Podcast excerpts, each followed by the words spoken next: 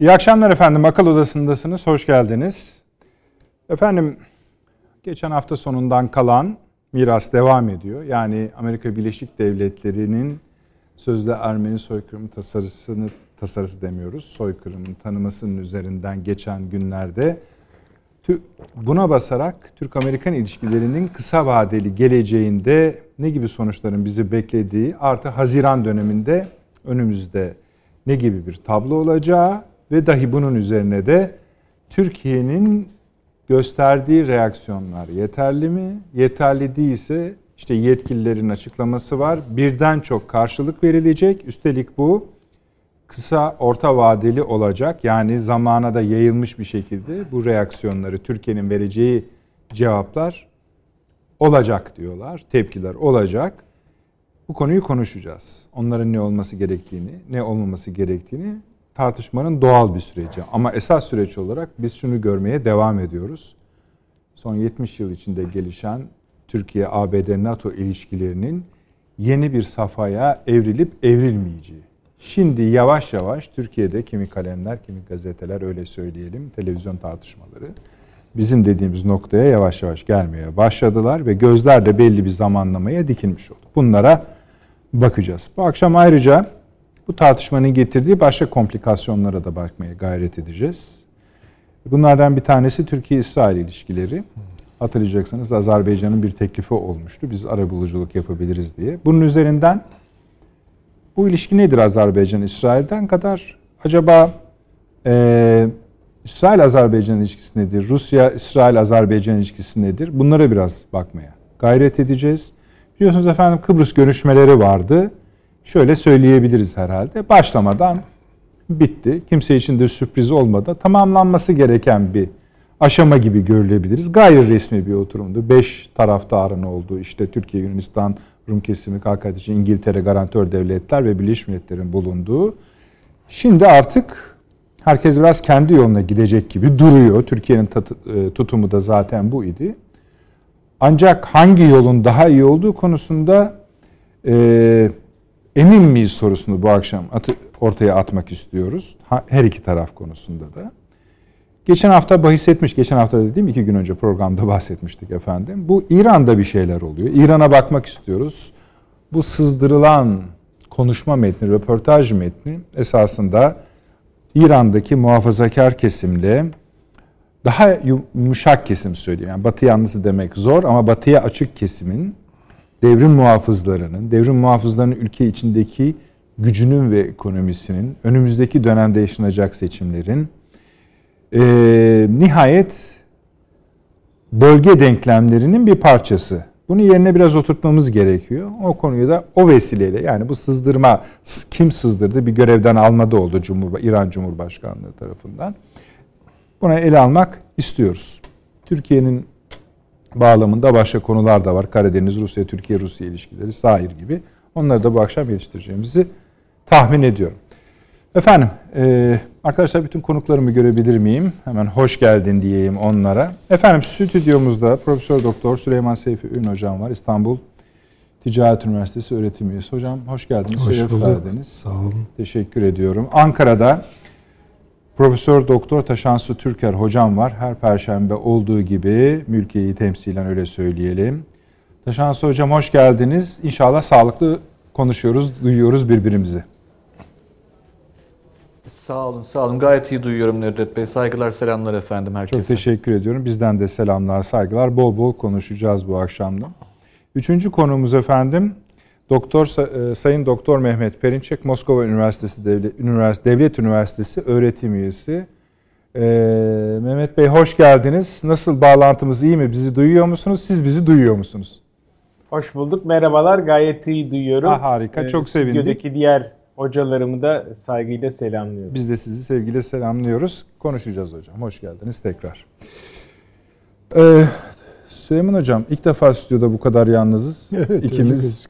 Yalnızız derken efendim karşımızda çok geniş bize destek olan e, kameraman dostlarımız, rejide arkadaşlarımız var. Ama e, ekran önünde ikimiz baş başayız. Evet. Bir kere bunun da altına düşmüş idik. Seyircilerimiz hatırlayacak mıdır bilmiyorum. 3 yıl kadar yani 3 önceki kışta çok kötü bir trafik kışı olmuştu. Ben tek başıma açmıştım. Sonra yetişmiştiniz siz. Ee, ama işte ekran görüntüsü esasen budur. Yani evet. dostlarımızla birlikte yine kalabalığız, hep birlikteyiz. Ee, Taşansı Hoca geçen e, salı günü yoktu. Yani evet. bu vesileyle şey konusunda Türk-Amerikan ilişkileri konusunda konuşma fırsatı bulamamıştı. Arzu ederseniz Ankara'dan başlayalım. Çok iyi olur. Çünkü be, muhtemelen sizin ve e, paşamın söyledikleri üzerine de konuşmaları olacaktır. Tamam. Taşansı Hocam sizle açılalım mı bugün? Tabii tabii memnuniyetle, memnuniyetle. Buyurunuz hocam, sizi dinliyoruz. Yani sor, soru diye düşünmeyin. Bir aslında gelişmeyi, süreci değerlendiriyoruz.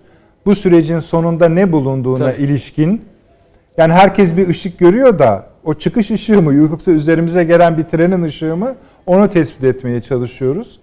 Ee, buyurun söz sizde. Ee, Valla Nedet Bey şimdi geçen perşembe günü söylediklerimi hani e, mükerrer olma pahasına e, kısaca e, özetlemek isterim. Söylediğim şey aslında tek bir cümleyle özetlenebilir. E, o da şu, e, bu Türk-Amerikan ilişkilerinde bugüne kadar e, yaşanmış olan en ciddi birkaç krizden bir tanesidir. E, ve bu Türkiye'nin e, gerçekten sadece onuruna, tarihine yapılan bir saldırı değil, ama e, orta ve uzun vadede Türkiye'nin bekasına yönelik e, tehditkar bir tavır olarak değerlendiriliyor benim tarafımdan. Geçen hafta bunları e, uzun uzadıya anlatma imkanı bulmuştum. Şimdi e, bu çerçevede e, şunu söylemekte beis görmem. Ben e, Türkiye'de bu olayın e, ne medyada e, ne siyaset düzleminde e, yeterince vehametinin farkına varılarak ele alınmadığı kanaatindeyim. Bir defa peşinen bunu söyleyeyim. Ee, yani bunu geçen hafta verdiğim metaforla e, bir kere daha tekrar etmek isterim. Yani birileri size küfredebilir. Efendim ben sinirlenmiyorum e, diyebilirsiniz. Valla tercih edilmez. Yani birisi küfrediyorsa sinirleneceksiniz. Hayatın kuralı budur. Ama eğer birileri küfredip sizin evinizin, varlığınızın tapularına dair cümleler kuruyorsa, bu riski ortaya koyuyorsa bu durum durumun e, ne kadar vahim olduğunu gösterir. Şimdi birincisi bu. E, ben hani son bir haftadan beri cumartesiden bugüne 5 gün geçti. Emin olun kendi halinde bir akademisyen olarak kendi evimin içinde hop oturuyorum hop kalkıyorum. Öyle söyleyeyim. Yani bu benim içime sindirebileceğim bir karar değil, bir iddia değil e, ziyadesiyle rencide edici ama onun ötesinde bazı çıkarlar ve orta ve uzun dönemdeki tehditler çerçevesinde değerlendirmek gerektiği kanaatindeyim. Nedir efendim? Yani neden bahsediyoruz biz? Bu tehditler nedir, ne değildir? Efendim şimdi e, burada e, birkaç hususa değinmek isterim. Medyada çok çok dillendirildi. E, efendim Konstantinopol demiş, Osmanlı İmparatorluğu döneminde yapıldı demiş. Yani aslında bizi bundan muaf tutmaya çalışıyormuş. Şimdi buna itibar edenler gerçekten ya saftır, e, böyle bir cümleye itibar edenler ya uluslararası hukuktan bir haberlerdir ya da başka niyetleri vardır. Çok açık yüreklilikle söylemek lazım. Şimdi söylem e, kim olursa olsun akademi dışındaki tüm söylemler ne yazık ki ben artık akademiye de sirayet ettiğini görüyorum bunu dünyada çok da üzüyor beni. Akademi dışında tüm söylemler siyasidir. Yani herkesin siyasi olma hakkı vardır. Olmamak durumunda olan bizleriz. Yani şu doktora ünvanı taşıyanlar bizim zaruri olarak tarafsız olmak gibi e, mesleğimizden gelen e, mesuliyetimiz var. Ama onun dışında her söylem siyasidir. Şimdi öyle baktığımda şunu görüyorum. Mesela efendim Türk-Amerikan ilişkileri bundan dolayı çok mu kopar, Türkiye rotasını mı kaybeder diye endişelenen bir kesim var. Ya boş verin önemsemeyin bunu diyorlar. Ee, iç politikada efendim iktidara e, bu zarar mı verir diye kaygılananlar var. Efendim bunu önemsemeyin diyorlar. Valla iktidar bunu önemsiyor ama bunu önemsemeyin diyen aydın tırnak içinde aydınlar beni şaşırtıyor gerçekten bunu söyleyeyim. Bütün bu söylemleri bir kenara koyalım. Ee, çok açık, seçik, ortada olan bir şey var. Bu dediğim gibi işte Konstantinopol'e takılanlar vesaire. Bunların çeşitli siyasi motivasyonları vardır. Hepsi de benim gözümde saygındır. Hani bunu e, mutlaka bir parantez içinde söylemek istiyorum. Bunu yargılamak için söylemiyorum. Durumu tespit etmek için söylüyorum. Fakat bu mevzu bütün bu siyasi mülahazalardan, siyasi motivasyonlardan ari olarak değerlendirilmek durumundadır Türkiye'de. Bakın efendim bu geçen hafta söylediğim metafor bir kere daha söylemek istiyorum. Bu sizin tapunuza dair tartışma açmaktır. Bu, bu, bu bunun ötesi birisi yok. Bu bugün olmayabilir, yarın olur. Yarından sonraki gün olur. Bu kabul edilebilir bir şey değildir. Ee, birincisi bunu söyleyeyim. Efendim bu e, biraz önce bıraktığım yerde Konstantinopol mevzundan devam etmek gerekecek. Bu önemli bir husustur. Ee, şimdi diyorlar ki bu sürekli devletlerin sürekliliği biliyorsunuz uluslararası hukukta mutlak değildir. Yani e, biz Türkiye Cumhuriyeti Devleti olarak tabii ki e, kültürel olarak, siyasi olarak Osmanlı İmparatorluğu'nun varisiyiz. Bunda hiç şüphe yoktur.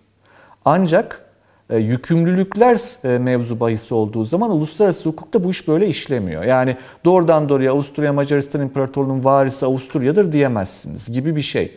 Mesela borçları da sadece biz Türkiye Cumhuriyeti Devleti ödemedik. Osmanlı'dan kalan başka devletlere de bazı borçlar tahsil edildi vesaire gibi. Şimdi ancak bu hiçbir şey değiştirmiyor bu durum. Yani bu uluslararası hukuktaki bu teknik bilgi durumu hiçbir şekilde değiştirmiyor. Neden değiştirmiyor efendim? Çünkü hukukta çok temel bir kavram vardır. Ee, sonuçları devam eden suçlar diye tarif edilir bu kavram. Yani siz bunu ne zaman yaptınız, ne oldu fark etmez. Sonucu devam eder ve bugünü ilgilendiriyorsa eğer işlenen bir cürmün ya da suçun e, sonuçları o zaman bugün e, ki özneyi de bağlar. Dolayısıyla bu boş iş. Yani orada bu cümleye takılmak ve efendim aslında kötü bir niyet yok demek boş iştir. Onu söyleyeyim. Birincisi bu. İkincisi efendim şimdi orada e, diyor ki soykırım kurbanları diyor soykırım pardon soykırımdan diyor hayatta kalanlar diyor Dünyanın farklı yerlerinde kendilerine ev edindiler diyor. Dünyanın bu farklı yerlerinden bir tanesi de Amerika Birleşik Devletleri diyor. Bakın bu benim için çok kritik bir cümle. ikinci paragrafın başındaki bu cümle. Mahkemelere yol gösterir gibi bir cümledir bu. Yani burada bulunan, Amerika'da bulunan Amerikan vatandaşı Ermeniler soykırımdan sağ kalanlardır diyor. Şimdi bu hukuki sonuçlar doğurur, yol gösterir hukuka, Amerikan hukukuna ve mahkemelerine. Bunlar önemlidir. Efendim ne olur ne biter. Tazminatlar mı, tapular mı, şunlar mı, bunlar mı işine o hukuki kısmına girmek istemiyorum. Ee, yani o e, bir derttir, önemli bir derttir. Elimizde bulunsun bir sorun öbeği olarak ama ondan daha önemlisi dediğim gibi bütün bunların ötesinde tazminat değil Ermenilerin işte bu 3T dedikleri bir sonraki aşama olan toprağa kadar gidecek. Lozan'ı sorgulatmaya götürecek bir kültürel hegemonya yaratma arayışıdır bu. Bu dolayısıyla e, hani Amerikan başkanı ne yaptığını biliyor mu bilmiyor mu çok emin değilim. E, işte Blinken'ın söylediği şey o zaten hep söylüyordu bunu. Amerikan başkanı olarak tabii ki kabul edecekti. Çok şaşırmayın cümlesi de öyle yenilir yutulur bir cümle değil. Bunun sonuçlarını öngörmek durumunda eğer bir süper güç olduğunu iddia ediyorsa e, birazcık bir entelektüel birikimi de hak ederler diye düşünüyorum. Ya da en azından kendileri için lazımdır. Ee, şimdi bunun sonucunda Türkiye'nin verdiği tepkilere gelecek olursak ben Türkiye'nin henüz, henüz bir tepki verdiğini görmedim. Yani bu e, yapılan açıklamalar vesaire bu tepki değil. Böyle tepki olmaz. Ee, yani bu e, söylediğim gibi ciddi anlamda bir kriz ortamıdır. Ben bir Dışişleri Bakanlığı'nda bir kriz masası kurulduğunu falan haber bültenlerinde görmedim. Milli Güvenlik Kurulu'nun gündemine bu konunun alındığını da duymadım. Ee, efendim ne bileyim yani başka hiçbir şey de duymadım. Yani duyan varsa biri gelsin. Yani benim haberim yok en azından. Efendim Cumhurbaşkanı sert bir açıklama yaptı deniyor. Ve doğrudur. Ee, çok da güzel bir açıklamaydı. Çok e, gerçekten ince hazırlanmış bir metin. Ama bu siyasi bir cevap mıdır? Bence değil. Şimdi orada söylenen şey Cumhurbaşkanlığı Sözcüsü tarafından açıklanan şey şu oldu. Türkiye kısa ve orta vadede somut cevaplar verecektir. Herkes bunu görecektir dendi. E, ben devletime itibar ederim. Yani eğer böyle söyleniyorsa herhalde öyledir. Peki bunun sonucunda efendim Türk-Amerikan ilişkileri nereye gider, nereye gitmez? Şimdi bakın bunlar çok farklı konu başlıkları. Biraz önce o ısrarla altını çizdiğim akademiya dışındaki her söylem siyasidir cümlesini tam da buraya gelmek için söyledim aslında. Şimdi e, bir grup insan mesela şöyle bir umutları var. Yani çabucak Amerika ile kavga edelim. Bu bahane mi olur, mazeret mi olur? Hayır olmaz. Bu başka bir şey. Başka bir grup insan ama bunu Rusya da kabul etmişti diyor. Bakın bunların hepsi siyasi söylemler farkındaysanız. Yani bu sonuçlar kısmı çok başka bir iştir. E, bu öbekleri, bu kavramları ayrı tutmak, bu süreçleri, e, düzlemleri ayrı tutmak gerekir. Yani biz doktora talebelerimiz her zaman şunu söyleriz. Sen bu tezi yazarken kardeşim hangi düzlemlerde, hangi kavram setleriyle, hangi konu öbekleriyle ayrıştırıyorsun konuyu? Yani e, bir bütünsellik içerisinde tabii ki bunu sunacaksın ama bizim Allah selamet versin Yalçın Küçük Hoca'nın hep söylediği iştir. Biz bilim adamları bölücüyüz der o. Yani konuları önce bölmek zorundayız. Şimdi soykırım iddiası bir konu, ondan sonra gelen Türkiye'nin cevabı başka bir konu.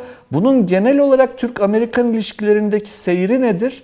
Veyahut Türkiye'nin e, bölgedeki politikalarında etkisi ne olacaktır? Başka bir konu. Bunların üçünü birbirine bağlayıp özellikle de e, bazı konuları cımbızla içinden çekip bağlarsanız ve bu siyasi analiz yapmış olursunuz. O da lazım memlekete. Hani dediğim gibi hiç de ben e, herkes gayri siyasi olsun diye ütopik bir cümle kuracak bir insan değilim. Ancak o benim işim değil. Yani e, onu ben yapamam biliyorsunuz. Yani ben bu sizin programlarınızda sürekli söylüyorum.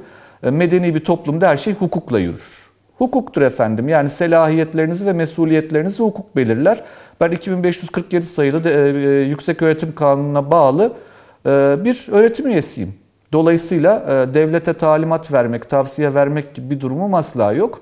Ama ve lakin bir vatandaş olarak ve bir aydın olarak kamusal haklarım vardır. O haklarım da nedir?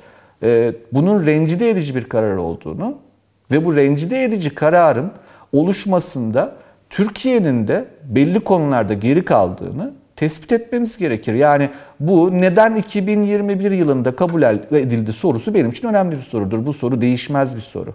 Bugüne kadar edilmeyen şey neden edildi? Cevaplarım var. Kısa kısa söyleyeyim. Bu Biden'ın kişisel faktörü çok önemlidir. Yani bu engellenemeyebilirdi.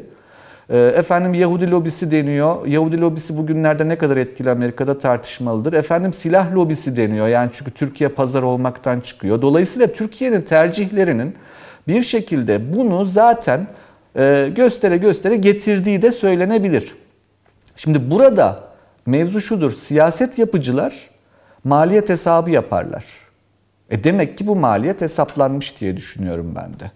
Yani aksi e, benim açımdan düşünülebilir değil. Kabul edilebilir mi değil mi? E, Valla siyasetin sanat kısmı. Ben de hiç sanat eleştirmeni olmaya niyetim yok. E, o siyaset yapıcıların kararıdır. Fakat bir vatandaş olarak, bir aydın olarak bunun kabul edilemez bulunduğunu benim açımdan söylemekle yetineyim. Ne yapılması gerektiği konusunda birkaç öbekte söyleyeyim. Bir tanesi Amerika'da dava açma konusunda ciddi bir hukuki e, istişare e, oluşturulması gerektiği kanaatindeyim. Çünkü e, mesnede olmayan bir şekilde bir kavmi, bir milleti soykırımla suçlamak Amerikan mahkemelerince de tartışılabilecek bir iddia olabilir. Birincisi budur. Yani Biden'a dava açmak. Bu düşünülmelidir mutlaka ama bu dediğim gibi benim işim değil. Amerikan hukuk sistemi inanılmaz teknik, çok karmaşık bir sistemdir.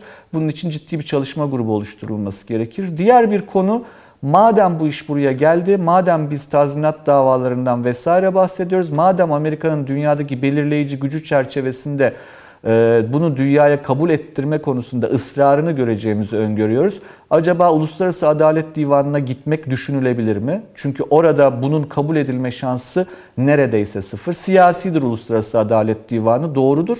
Ancak yapısı itibariyle son derece muhafazakardır ve e, bir defa zaten usul esasa mukaddemdir hukukta. Yani tutup da 1948'de e, kabul edilmiş bir tanımı daha önce e, yaşanan olaya uygulamak zaten mümkün değildir. Biz zaten gitmek isteriz Ermenistan kabul etmez ama bizim için önemli çok önemli bir leverage, bir kaldıraç halini alabilir dış politikada. Bunun da mutlaka adım adım düşünülmesi gerekir. Ancak bu cevapsız bırakılacak bir husus değil. Bu bugün doğrudan yarın etkilerini gösterecek bir şey değil. Bu pimi çekilmiş bir bomba ee, zamanlamasını da ne yazık ki Amerikan iktidarı, Amerikan yürütmesi artık eline almış durumda. Dolayısıyla Türkiye'nin ee, eğer böyle e, pimi çekilmiş zaman kontrolü e, karşı tarafın elinde olan bir bombayla muhatapsa eğer Türkiye bunun için tedbirlerini almak mükellefiyeti olduğu kanaatindeyim. Dediğim gibi bunun yolu hukukidir. Ee, diğer bir husus tarihçilik mevzu. Efendim Türkiye'de çok iyi tarihçiler var doğru. Bu konuda çok iyi çalışmalar da yapıldı. Bu da doğru. Ve fakat yetmez. Yetmez. Yani Türkiye'deki tarihçilerin çok büyük bir kısmı ne yazık ki yabancı lisanda bunları anlatabilecek, yabancı lisanda da mi lisanlarda bunları anlatabilecek ve etki yaratabilecek e, kapasiteye sahip değiller. Bunu görüyoruz. Ama iş zaten tarihi değildir. İş hukuki de değildir. İş siyasidir. Siyasi mücadele ise tarih ve hukuktan edinilen güç devşirmeleriyle yürütülecektir. Türkiye bunu yapmak durumundadır önümüzdeki hocam. dönemde. Dediğim gibi yani ben e, tavsiye verecek makamda değilim ancak e, vatandaş ya da bir aydın olarak kamusal görevim olarak sadece gördüğüm ihtimalleri ve imkanları sıralama e, niyetiyle bunları söylediğimde son söz olarak söylemiş olayım. Teşekkür ederim. Ee, tabii eksik parçalar var onları zaten soracağım. Ee, Süleyman Hocam dikkat ettiyseniz hiç kesmedim Şans Hocam'ı ek sorularla birlikte. Yok. Ee, ama e, mesela sonuçlar kısmında Taşans Hocam'la mutabık değiliz. E, çünkü belki şöyle bir kalem açılabilirdi. E, Amerika Birleşik de yani dedi yani bölerek biz hallederiz falan. Amerika Birleşik Devletleri'ne uygulanabilecek konvansiyonel veya standart cevaplar uygulamaların diğer öbeklere kıyaslanmasının mümkün olmadığını düşünüyorum. Doğal olarak başka bir ülke tanıdığında göstereceğimiz reaksiyonun aynısını Amerika Birleşik Devletleri'ne veremeyiz. Daha başka olmak lazımdır. Onun da işte bir zamanlaması olduğu söyleniyor Haziran şey yaparak. Göz Haziran tarihi gösterilerek. Bir de bir şeyi de merak ettim. Aslında ona müsaade ederseniz sorayım öyle geçeyim Mehmet Hoca'ya. Bu mal, taşınası hocam maliyet hesaplanmıştır demiştiniz ya. Yani Amerika Birleşik Devletleri bunu yapar iken maliyeti hesaplamıştır demiştiniz. Buradan ben şunu anlıyorum. Hani olası yani bir oyun teorisi gibi Türkiye'nin verebileceği cevaplar kestirilerek ve bu işin nereye varıp varmayacağı öngörülerek bu adım atılmıştır diyorsunuz. Anladığım budur. Ama belki de hani daha da iyiye ya da daha kötüye yöneltmek konusunda da bir araç olarak kullanılmış olabilir. Onlara da dikkat etmemiz lazım gelmez mi? Yani eksik bıraktığınız için söylemiyorum. O bölümü de var diye söylüyorum. Estağfurullah. Esta, estağfurullah efendim siyaset öyle bir şey. Yani e, yaptığınız bir açıklama ya da attığınız bir adımın e, neyle artiküle olacağı, nasıl bir birikim yaratacağı konjonktüreldir ve birazcık da sanat meselesidir. Yani bazen sıkıştırarak kendinize yakınlaştırırsınız. Bazen e, hediyeler vererek kendinize yakınlaştırırsınız. Bazen hediyeler vererek tuzağa düşürürsünüz. Bazen sıkıştırarak zaten daha fazla e, saldırmanın hazırlığını yaparsınız vesaire gibi. Şimdi burada hani genel olarak Amerika-Türkiye ilişkilerine baktığımızda zaten uzun dönemden beri süre gelen bir e, gönülsüzlük ve bunun tabii ki altında yatan güvensizlik tespit edilmesi gerekiyor. Çok fazla sorun vardı. Çok çok fazla üst üste birikmişti. Çözümü çok çok zorlaşıyordu. Çok karmaşıklaşmıştı. Ve fakat bu e, yani bu iyi niyetli bir yaklaşım değil. Bu e, Vallahi ne bileyim daha, daha kötü şeyler söylemek istemiyorum. Aklıma gelen tamam, metaforlar tamam. pek canlı yayın için uygun değil. Tamam teşekkür ediyorum. Konuşacağız ama yine de. Ee, bunu şunun için söylüyorum. Hani şimdi bakın bu ülkede mesela Kıbrıs meselesi var ya.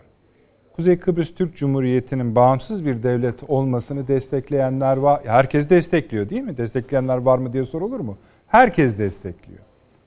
Oldu.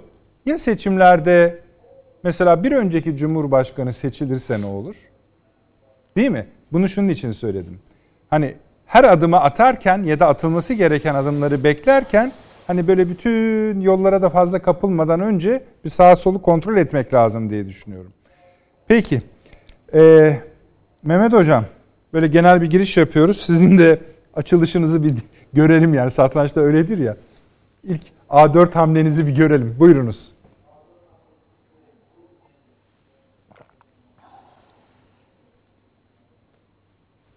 Ses sorunumuz var arkadaşlar. Pardon. Evet. Ha, ee, tamam.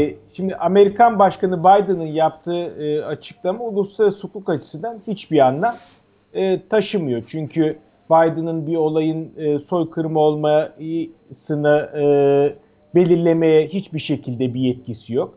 E, 1948 yılında imzalanan uluslararası sözleşme daha sonradan da 51'de yürürlüğe giren bu sözleşmeye göre bir olayı soykırım olarak e, nitelemeye ancak yerel mahkemelerin ve uluslararası e, yetkili uluslararası ceza mahkemelerin e, diyelim yetkisi var. E, bunun dışındaki bütün e, yapılan açıklamalar işte ha kahvede e, uluslararası hukuk açısından ha kahvede biri söylemiş ha da ya da Biden söylemiş hiçbir e, farkı bulunmuyor. Bununla birlikte e, tarihsel anlamda e, baktığımızda da e, Biden açıklamalarının e, arşiv belgeleriyle veya tarihsel gerçeklerle örtüşmediğini görüyoruz. Ben 20 seneyi aşkın süredir de Rus devlet arşivlerinde özellikle Ermeni meselesi üzerine de çalışıyorum. Birçok e, kitaplar e, vesaireler de yayınladım. E, tarihsel gerçeklerle de e, Biden'ın e, bu sözleri hiçbir şekilde örtüşmüyor. E peki hukuk, uluslararası hukuk anlamında bir hiç, e, tarihsel gerçeklerle örtüşmüyor. Peki Biden bu e, açıklamayı niye yaptı? Zaten Ermeni meselesi e, geçmişte olduğu gibi her zaman e, Türkiye'yi paylaşma planlarının, Türkiye'ye yönelik işgalci amaçları perdelemek, bunun bir bahanesini yaratmak amacıyla ortaya çıkartılmıştı. İşte bugün Ermeni meselesinin veya Ermeni soykırımı iddialarının dile getirilmesi de tamamen e, bununla bağlantılı. Eskiden e, bir e, Büyük Ermenistan projesi çerçevesinde e, bu dünyaya bir propaganda aracı olarak e, kullanılıyordu. E, şimdi de bir Büyük Kürdistan projesi üzerinden Ermeni meselesi e, kullanılmak isteniyor. Şimdi Amerika Birleşik Devletleri Türkiye'yi bir taraftan Doğu Akdeniz'den sıkıştırıyor. Bir e, diğer taraftan e, Suriye e, ve Irak'ın kuzeyi üzerinden bir kukla devlet e, kurma girişimi var. E, Türk ordusu da son e, özellikle 5-6 e, senedir e, yaptığı operasyonlarla da e, ABD'nin bu planlarını bozuyor. Ve bu planlar tabii Türkiye'nin terörle mücadelesi, Türk ordusunun, Türk polisin terörle mücadelesi Amerika için ciddi bir problem. Ve şimdi de zaten Ermeni soykırımı iddiaları üzerinden Türkiye'nin terörle mücadelesi aslında bir insanlık suçu veya soykırım olarak gösterilmek isteniyor. Şu yaratılacak, efendim Türkler 100 sene önce Ermenilere soykırım yaptılar, şimdi de yeni bir soykırım e, yapıyorlar diyerek ya da insanlık suçu işliyorlar e, diyerek Türkiye'ye müdahalenin de e, çeşitli e, düzeylerde zemini döşenmek, döşenmek isteniyor. Biden açıklamasında da zaten bunu görebiliyoruz. Açıklamaya baktığınızda şu ifade var. Diyor ki başka soykırımların engellenmesi için diyor biz Ermeni soykırımını tanıyoruz diyor. Şimdi hangi soykırımlar Biden'ların ifade ettikleri Türkiye'nin yapabileceği soykırımlar nelerdir? Bunun çok açık bir şekilde Türkiye'nin terörle mücadelesini kastetti, kastedildiğini e, görebiliriz. Bu bakımdan bu açıklama veya Biden'ın veya Amerika'nın e, Ermeni soykırımını tanıması Türkiye'ye yönelik planlarıyla doğrudan ilgili. Türkiye'yi bir taraftan Batı Trakya'ya yığınak yapıyor, bir taraftan Ege'si, Doğu Akdeniz'i, e, e Karadeniz'i, Suriye'nin İran kuzeylerinde kurduğu üsler bu e, diyelim e, çerçevede değerlendirmek lazım ve tehdidin kaynağını da doğru görmek lazım. Şimdi herhangi bir Ermeni lobisi e, Biden'ı etkiliyor veya Biden'a bu kararı aldırıyor değil. Bu e, tehdidi gizlemek ve perdelemek olur. Bakın hangi Ermeni lobisi? Daha bir 3-5 ay öncesine kadar Azerbaycan karşısında cepheden kaçan %40'ı firar etmiş bir ordu var Ermenistan. E hadi diyelim işte 3-5 tane Kaliforniya'da zenginler var bilmem ne falan. Bunlar mı Biden'a bu açıklamayı yaptırdı? Bunu ileri sürmek ve bunun üzerinden bir politika geliştirmek de yanlış olacaktır. Biz eğer bu yalanlarla mücadele etmek istiyorsak ilk önce tehdidin kaynağını da görmemiz lazım ve Ermeni lobilerinin, Yunan, Rum vesaire lobilerinin de Amerika gibi büyük bir devleti yönetemeyeceklerini de bilmemiz gerekir. Bu bakımdan e, Türkiye'nin ilk önce bu tehdidi saptaması lazım. Burada Amerika'nın başka bir hedefini de görmemiz gerekir. bir taraftan Güney Kafkasya'daki gelişmelerle de doğrudan alakalı. Bakın e, Evet e, Karabağ bugün işgalden kurtarıldı. Ermenistan düşman taraftaydı ama Karabağ'ın işgalinin Karabağ'ın e, işgalden kurtarılmasının ardından Türkiye ve Ermenistan arasında ve Azerbaycan'la Ermenistan arasında da ilişkilerin normalleşeceği bir ortam ortaya çıktı. Şimdi Biden açıklaması bunu da sabote ediyor. Bakın 3 artı 3 olarak da nitelendirilen altılı platform önerisi hem e, Doğru. Sayın Aliyev'in hem de Sayın Erdoğan'ın önerileri çok yerinde. Çünkü Ermenistan'da gelişen bölgesel işbirliğine davet etme, onu dışlamama, hatta Batı'nın kucağından kurtarma gibi bir hedef var. Şimdi Amerika elinden Ermenistan'ın gittiğini de görüyor. Ermenistan'ı nasıl kucağına oturtacak tekrar Türkiye'yi Azerbaycan'a kışkırtarak. Çünkü Ermenistan Türkiye ile Azerbaycan'la dost olduğu anda Amerika'nın hiçbir işine yaramaz. Batı'nın hiçbir işine yaramaz. Ve e, bugün Paşinyan yönetiminde çeşitli öz eleştiriler yapılmaya da başlandı. Türkiye'ye, Azerbaycan'a düşmanca bakılmaması gerektiği, bu bakış açılarının değiştirilmesi gerektiği konuşuluyor. Hatta ve hatta 24 Nisan öncesinde Paşinyan'ın Dışişleri Bakanlığı Amerika'daki Büyükelçiliğine 24 Nisan eylemlerine katılmayın talimatı verdi. Neden? Çünkü Türkiye ile Azerbaycan'la ilişkileri normalleştirelim, bir kendimize gelelim diye. Şimdi Ermenistan bu kararı alırken Paşinyan ne yapıyor? Kızgın ya e, diyelim daha da e, kızıştırıyor. Ve şimdi burada e, bunun sabote edilmek istendiğini yani Türkiye, Rusya, Azerbaycan, İran tarafından geliştirilen bu inisiyatifin içerisine Ermenistan'ın da e, katılmasının engellendiğini görüyoruz. Ermenistan'da seçimler var. Haziran ayında ve bir darbe girişimi oldu. Bu darbe girişimini yapanlar Türkiye ve Azerbaycan düşmanıydı. Paşinyan'ı e, Türk düşman e, Türk dostluğuyla e, suçluyorlardı ve şimdi Amerika dedi ki e, Paşinyan muhalefetine yürü arkandayız. Türkiye'ye düşmanlık yap, efendim Azerbaycan'a düşmanlık yap. E, burada da senin arkandayız mesajını vererek bölgedeki istikrarın engellenmesini de e, sağlamış olmayı planladıklarını söyleyebiliriz. Şimdi Türkiye'nin cevabı buna karşı e, ne olmalı? Şimdi bir defa tehdit Ermeni lobisinden, Ermenistan'dan veya işte 3-5 tane e, bilmem ne lobisinden, örgütünden falan değil. Tehdit doğrudan Washington'dan geliyor. Ve zaten bu açıklama yapılmadan önce de tehdit Washington'dan geliyordu. E, Kürdistan'ı Ermeni lobisi mi kuruyor? Ya da ne bileyim Kıbrıs'ta, e, Doğu Akdeniz'de Türkiye'yi efendim e, şeydeki e, 3-5 tane e, Türkiye karşıtı diyelim ufak dernekler vesaireler mi e, sıkıştırıyorlar? Tabii ki değil. Şimdi buna karşı o zaman Türkiye e, kendi terörle mücadelesinin soykırımla suçlanmasına e, karşı ve bu buna karşı e, çeşitli tedbirler almak zorunda ve buna karşı ciddi yanıtlar vermek zorunda. Buna karşı ciddi yanıtlar vermediği takdirde o zaman karşı tarafı daha da cesaretlendirmiş oluyorsunuz. Birincisi Türkiye İncirlik üstünü Amerikan askerlerine kapatmalıdır. Küreciyi yine aynı şekilde e, kapatmalıdır e, Amerikan e, güçlerine.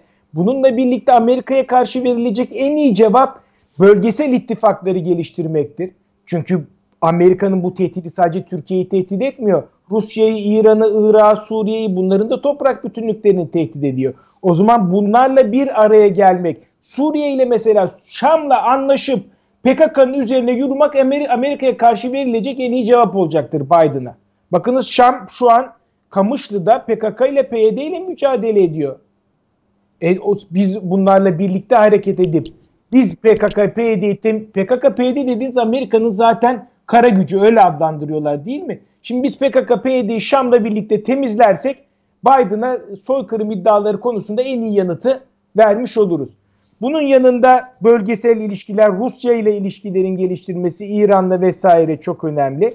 Üçüncü olarak tabii uluslararası hukuk alanında elimiz çok kuvvetli. Avrupa İnsan Hakları Mahkemesi'nin Perinçek İsviçre kararı Türkiye'nin elindeki en önemli silahlardan bir tanesi. Bu karar sadece e, düşünce özgürlüğüyle sınırlı bir karar değil. Tabii özü bu, esası bu ama diğer taraftan da gerekçeli karara baktığınız zaman şu noktanın altını çiziyor ahim yargıçları. Diyorlar ki 1915 olaylarıyla Yahudilere yönelik Holokost ayrı kategorilerdedir diyorlar. Ve zaten bu Avrupa İnsan Hakları Mahkemesi'nin içtihatlarına da yerleşti. Perinçek İsviçre davasının kararlarına atıfta bulunarak 15 olaylarıyla Yahudilere yönelik Holokost ve soykırım düzenli olarak birbirinden ayrılmaya farklı kategorilerde olduğu altı çizilerek ifade edilmeye başlandı. Bu bakımdan ahim kararı da e, önemlidir ve burada bizim en önemli sloganlarımızdan biri de yani e, slogandan kastım da bir temel taktik veya şeylerimizden bir tanesi de şu olmalıdır. Bir mahkeme kararı yoksa soykırımda yoktur. Şimdi bu Biden'ın elini kolunu bağlıyor. Sadece Biden'ın elini kolunu değil, dünyada bütün bunun propagandasını yapanları ve bunu yasallaştırmak isteyenlerin elini kolunu da bağlıyor. Mesele sadece Biden değil, bugün Avrupa'da ders kitaplarına da bu soykırım yalanları konulmak isteniyor ve bu soykırım yalanları orada yaşayan Türklerin ve Türk çocuklarının e, ırkçı muameleye maruz kalmasına yol açacak. ırkçı saldırılara maruz kalmasına yol açacak. Kaliforniya'da e, ben e, konferanslara da katılıyorum. Avrupa'da da konferanslara katılıyorum. O çocuklar okullarda e, katil bir milletin e, e, fertleri durumuna düşüyorlar ve e, kendi sınıf arkadaşları tarafından baskı görmeye başlıyorlar. Şimdi bu da önemli. Bizim bir mahkeme kararı olmadan, tarihsel gerçeklere dayanmadan, hukuki zemine dayanmadan Türklere yönelik ırkçı nefreti körükleyecek bu e, diyelim kararlara karşı, ders kitaplarına karşı da bir harekat başlatılmalıdır. Ve burada o ülkeler içerisindeki ırkçılıkla mücadele kanunları e, değerlendirilmelidir. Avrupa İnsan Hakları Mahkemesi'nin Perinçek İsviçre kararı da yine bu noktada Türkiye'nin elini güçlendirecektir. Tarihsel anlamda da cevap vermek açısından tabi bütün ülkelerin arşivleri önemlidir ama Rus arşivleri şu bakımdan e, çok daha bir ön plana geçiyor. Neden? Birincisi olayın en yakından tanığı Çarlık Rusyası çünkü 1915 olaylarının öncesini ve sonrasını dibinde ceyran ediyor. Ve hatta olayın içerisinde kendisi de bu olayın taraflarından bir tanesi Ermeni meselesinin. Ve Türkiye'nin düşmanı olan bu ülkenin belgeleri Türkiye'nin tezlerini ortaya koyuyor. Müslümanlara yapılan sistematik katliamları Mehmet ortaya hocam, koyuyor. He, bu Buyurun. E, hani Türkiye'nin tezlerini ortaya koyuyor ama Rusla Rusya da şeyi soykırımı tanıyor değil mi? Evet, Rusya 94 olması lazım e, yılında tanıdı. Demek onlar da arşivlerine pek bakmıyorlar. Evet. Zaten mesele siyasi bir mesele. Rusya 94 yılında kendi tarihini yerin dibine sokuyordu. Yeltsinler bırakın Ermeni soykırımda tanımayı Sovyetler soykırım yaptı diye kendi tarihlerinin içine tükürüyorlar. Bu adamların Amerika'nın kucağına oturmuş Yeltsinlerin bunu şey yapmasında e, şaşılacak hiçbir şey yok. 90'larda evet bu kabul edildi ama kendi tarihine küfreden, kendi geçmişine küfreden Amerika'nın önünde diz çökmüş bir Rusya'da o dönemde tanıyacaktı. Diğer taraftan tabi burada bakın meselenin siyasi olmasının başka bir göstergesi de tabi Çeçen Savaşı var. Çeçen Savaşı döneminde Türkiye'nin Çeçen ayrılıkçıları desteklemesi vesaire e, var. Tedavi oluyorlar Türkiye'de bir sürü tabi olaylar vesaire. Buna karşı da tabi bir siyasi şey olarak kullanılıyor. Yani Türkiye ile derdi olan mutlaka e, bu e, soykırım e, sopasını veya diyelim soykırım e, şantaj aletini, silahını Türkiye'ye doğrultuyor. Şimdi e, 2000'lerde e, veya sonrasında e, Rus parlamentosuna Duma'ya bunlar tekrar geldi. Ve elinin tersiyle etti Rusya. Neden? Çünkü e, Putin Türkiye'nin önemini görüyor veya Türkiye ile dostluğun önemini kavruyor vesaire. E, bu bakımdan e, kendi Rusya'nın kendisi bu e, soykırım e, diyelim tehditleriyle de karşı karşıya. Ukrayna'da Goladomor adı altında e, soykırım yapıldığı veya Çeçen soykırımı yapıldığı vesaire gibi e, Rusya'ya karşı da bu soykırım silahı kullanılıyor. Ben size daha da ilginç bir şey söyleyeyim. Batıdaki Ermeni çevreleri ve bunu destekleyen e, kuvvetler 1915 ve 23'e kadar sözde süren e, Türkiye'ye Türkiye'nin yaptığı sözde Ermeni soykırımının ortaklarından bir tanesinin Rusya olduğunu da iddia ediyorlar.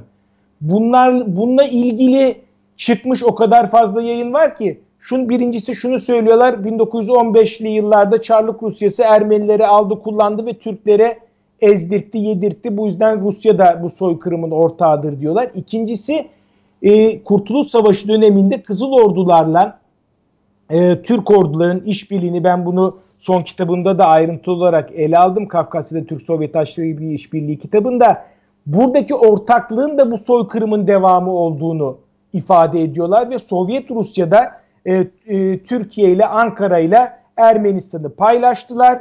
Bir taraftan Orak Çekiç, diğer taraftan Ay Yıldız Ermenistan'ı parçaladı ve onlar da e, Moskova'da en az Türkiye kadar bu soykırımdan sorumludur. Peki hocam. Bir şekilde bir Hı. şey sürüyorlar. Dolayısıyla Rusya'nın bunu tanıması e, 90'ların başındadır. Çok e, yanlıştır. Bu kararından Rusya dönmek de zorunda e, kalacaktır. Dönmelidir de.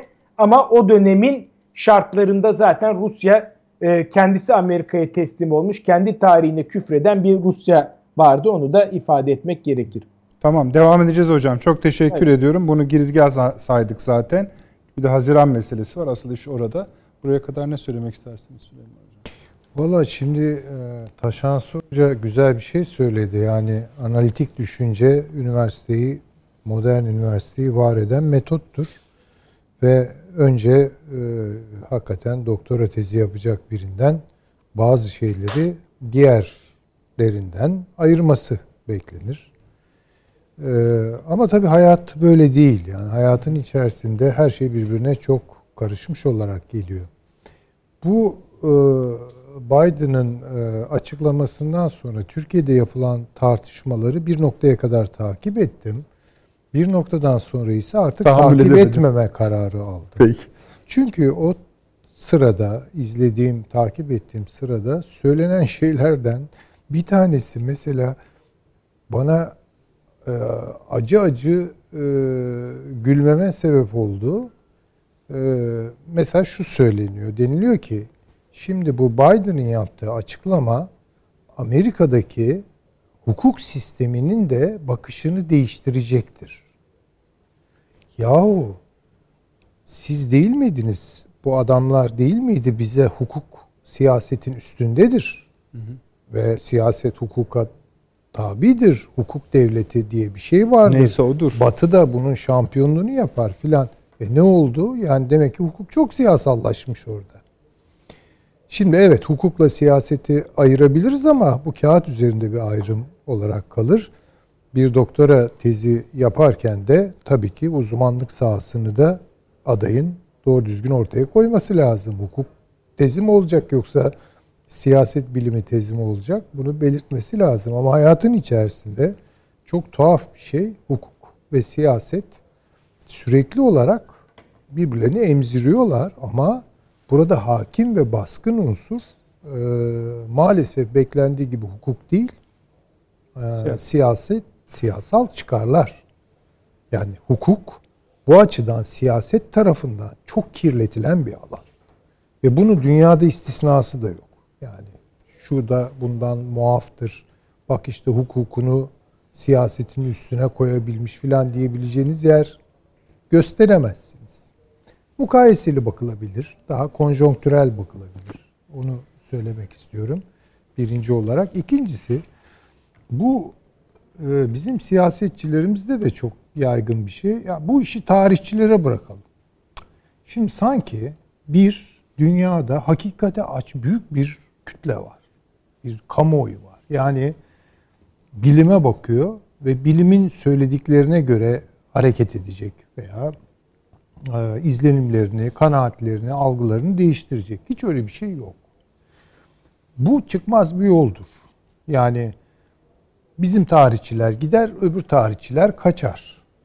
Yani neticede yani bir araya gelme bile mümkün olamaz. Çünkü e, o tarih çalışmaları ne kadar metodolojik olarak bilimsel gözükse de neticede bir takım ön beklentilerin ya da kabul edilmiş değerlerin tesirinden zihinleri arındırmak falan mümkün değildir. Burada da söylemiştim galiba Paul Valéry'nin Fransız düşünür çok güzel bir sözü var yani tarih düşünce kimyasının yarattığı en tehlikeli üründür ve herkes bunu tepe tepe kullanır yani. Onun için yani siyasetten ayrışmış bir tarih çalışması ne kadar yapılabilir? Bence e, bu da biraz sıkıntılı bir konudur. Onun için tarihçilere bırakılacak bir şey değil. Burada söylenenler çok doğru. Bu bir siyasi meseledir yani. Bunu bir kere görmek zorundayız ve buna siyaseten bir cevap vermek zorundayız. Yani tarihçilere bırakalım. Yok işte hukuka tahvil edelim falan. Ya bunlar bence yolu hani siyaseten uzatmanın... vereceğiniz cevabın içinde belki bu yollarda olabilir ama önce efendim yapılabilir bunlar taktik ama bize bir şey unutturmamalı. Yani bu bir siyasi mücadele. Ve kimse hakikat peşinde falan değil. Yani olan var veya yok bunu ben bilemem. Baskın olan algılar. Yani hakikatin ne olduğu çok önemli değil artık. Hele hele bu dünyada daha çok hakikat algısı, hakikat muamelesi görüyor. Yani ben hakikati böyle algılıyorum. Ee, işte hakikat de dolayısıyla budur. Kimse gerisini merak etmiyor. Yani müthiş bir obskürantizm küresel olarak yaygın. Yani herkes zihninin bir taraflarını uyuşturmakla meşgul. Yani bunu görelim. Ee, dolayısıyla bu algıları değiştirmek ha işte o çok zor bir şey.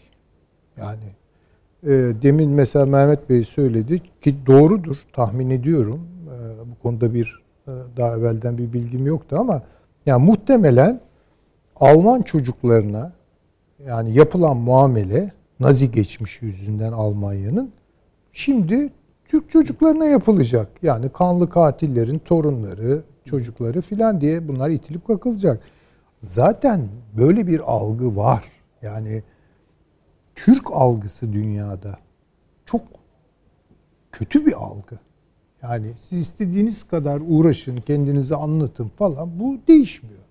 O halde bir siyasi mücadele vereceksiniz. Kora kor, göğüs göğüse bir mücadele vereceksiniz.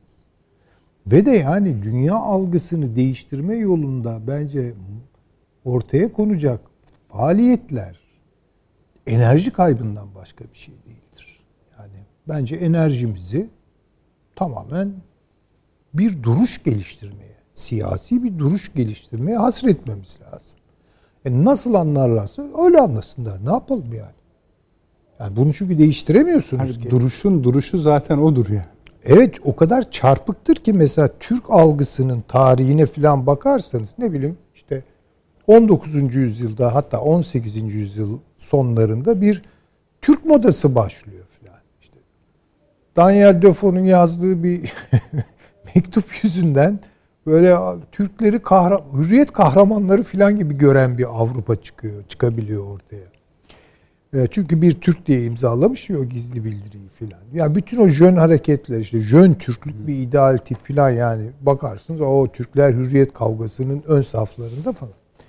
Sonra birden alt üst oluyor. Yani birden böyle yeniden nefrete dönüşüyor. Bunlara bence çok bel de bağlamamak lazım. Ya nasıl algılarlarsa öyle algılasınlar. Bizim için burada düşüneceğimiz bir tek şey var. Öz saygımız.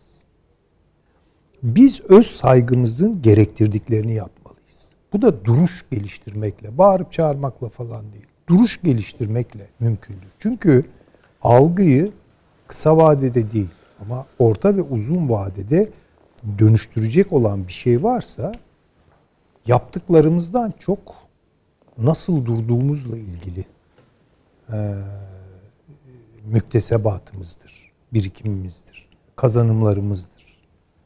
Çünkü bu belki bugünden yarına netice almaz ama yani üç vakte kadar zihinlerin arka planlarını falan boşaltmaya başlar.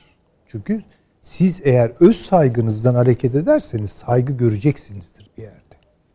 Ama siz öz saygınızdan bir ulus olarak onların onun şerefli üyeleri olarak öz saygınızdan yoksunsanız o takdirde zaten kimse size saygı duymayacak. Yaptığınız ne yaparsanız doğru yapın. olsa bile. Evet yani hangi taktiği kullanırsanız kullanın. Bu mesele evet bir siyasal mesele, bir politik mesele ama önce bir moral politik mesele. Yani bunu şimdi böyle reel politik e, işte ne diyeyim tasarımlar, mühendislikler, taktikler, stratejilerin de üstüne koymak lazım. Bir dakika yani. Çok güzel söyledi Taşansu hocamız. Dedi tapumu konuşuyor adam. Yani ceddimi töhmet altında bırakıyor. Yani ölülerime hakaret ediyor yani. E, bir dakika ya. Ya bu artık hukuk meselesidir. Yani Tarihçilere bırakılacaktır. ata, e, küfür ediyor.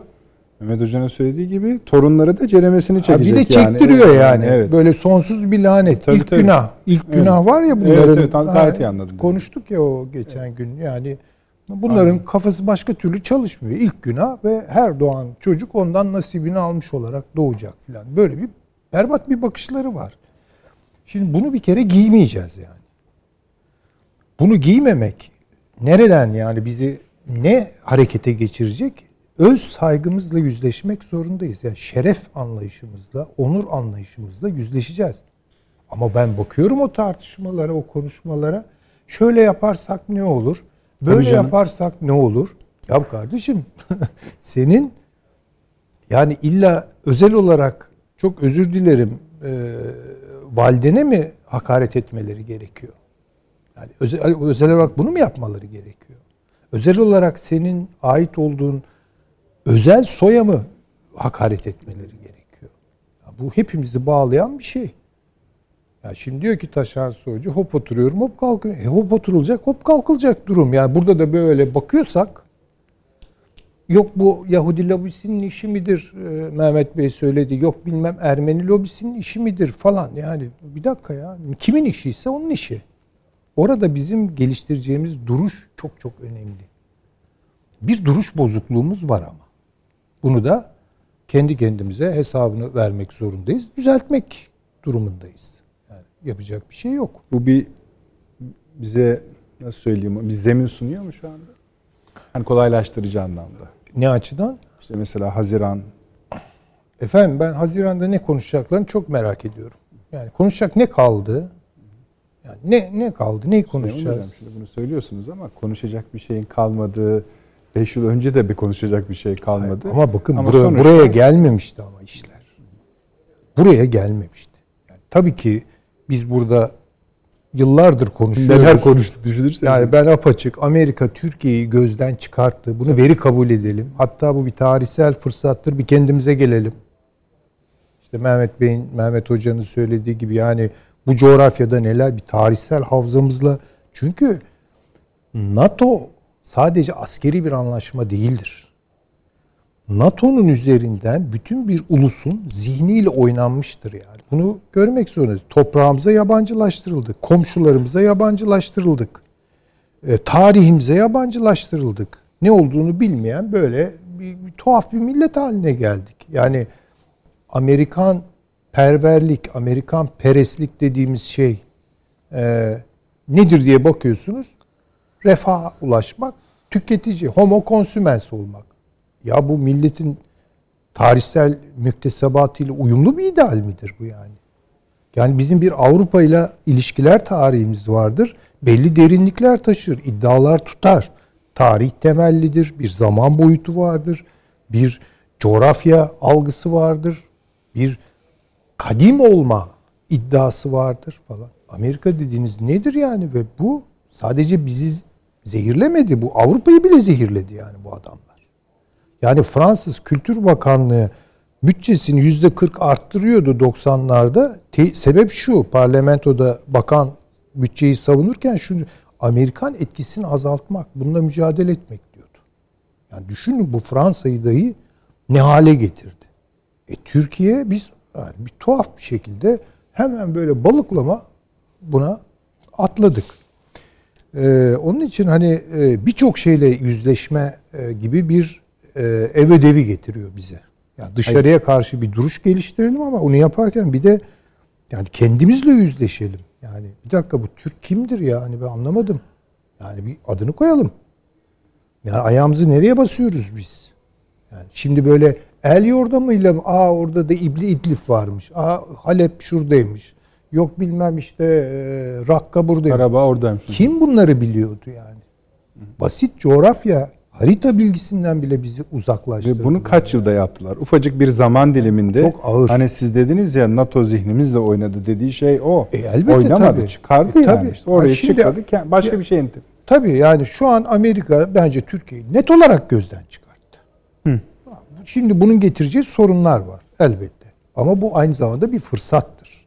Risk de doğurur, bir fırsata da dönüştürebilir. Ya bir nefes alalım ya. Kendimizi anlayalım yani. Kimiz biz yani? Yani şimdi bu dediğim gibi hani e, dar bir zaman çok yüklü bir e, ev ödevi getiriyor bize ama bunun altından kalkacağız veya kalkamayacağız. Yani biraz da böyle trajik bir tarafı var bu işin yani. Peki hocam. Şimdi ben şuradan hareket etmek isterim. NATO yani siz bunu zaten yeni söylüyor değilsiniz ama yeni süreçler bunu pekiştiriyor gözüküyor.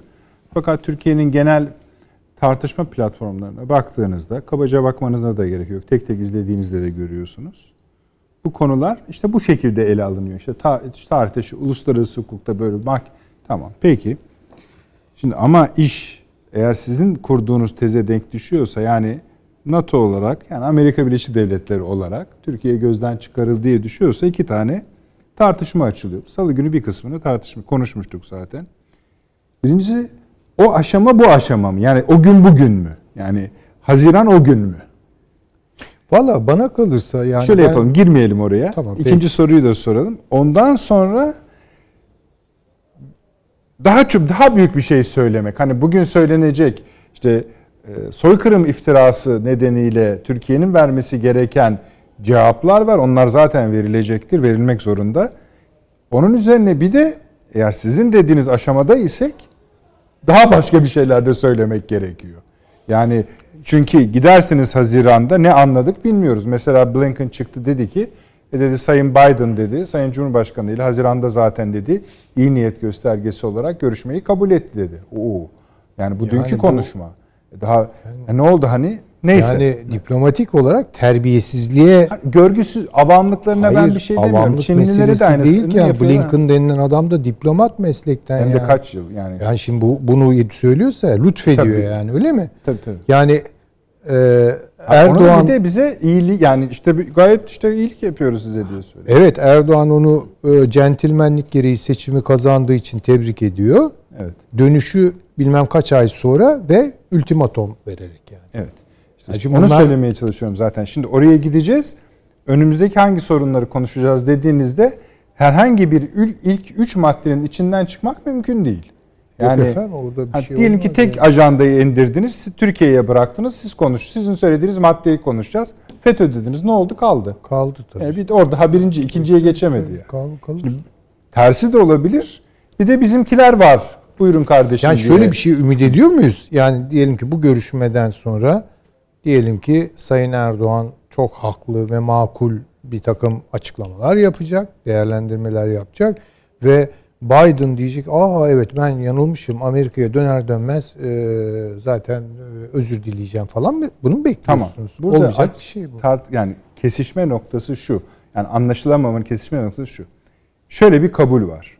Öyle, işte onu da konuşmak lazım. Amerika Türkiye jeopolitiğini dünyaya baktığımızda gözden çıkaramaz. O halde Haziran'da böyle olabilir. Şimdi onu da teşhis etmemiz gerekiyor. yeni mi anlayacak bunu mesela yani? E tamam ama ona- artık orada Biden'ın suçu bitiyor. Orada bu cümleyi kuranların anlayıp anlamaması durumuna giriyor. Neyse konuşacağız.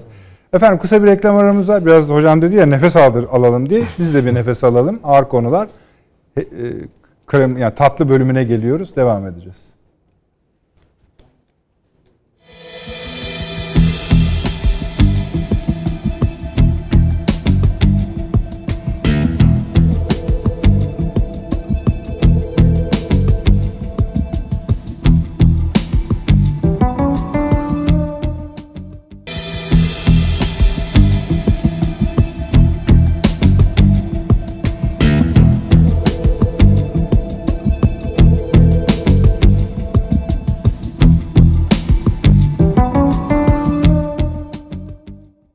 Efendim döndük akıl odası devam ediyor. Şimdi ne söyleyelim sadede geliyoruz biraz. Tabii ki buradan önceki konuştuklarımızda fevkalade kıymetli görüşler.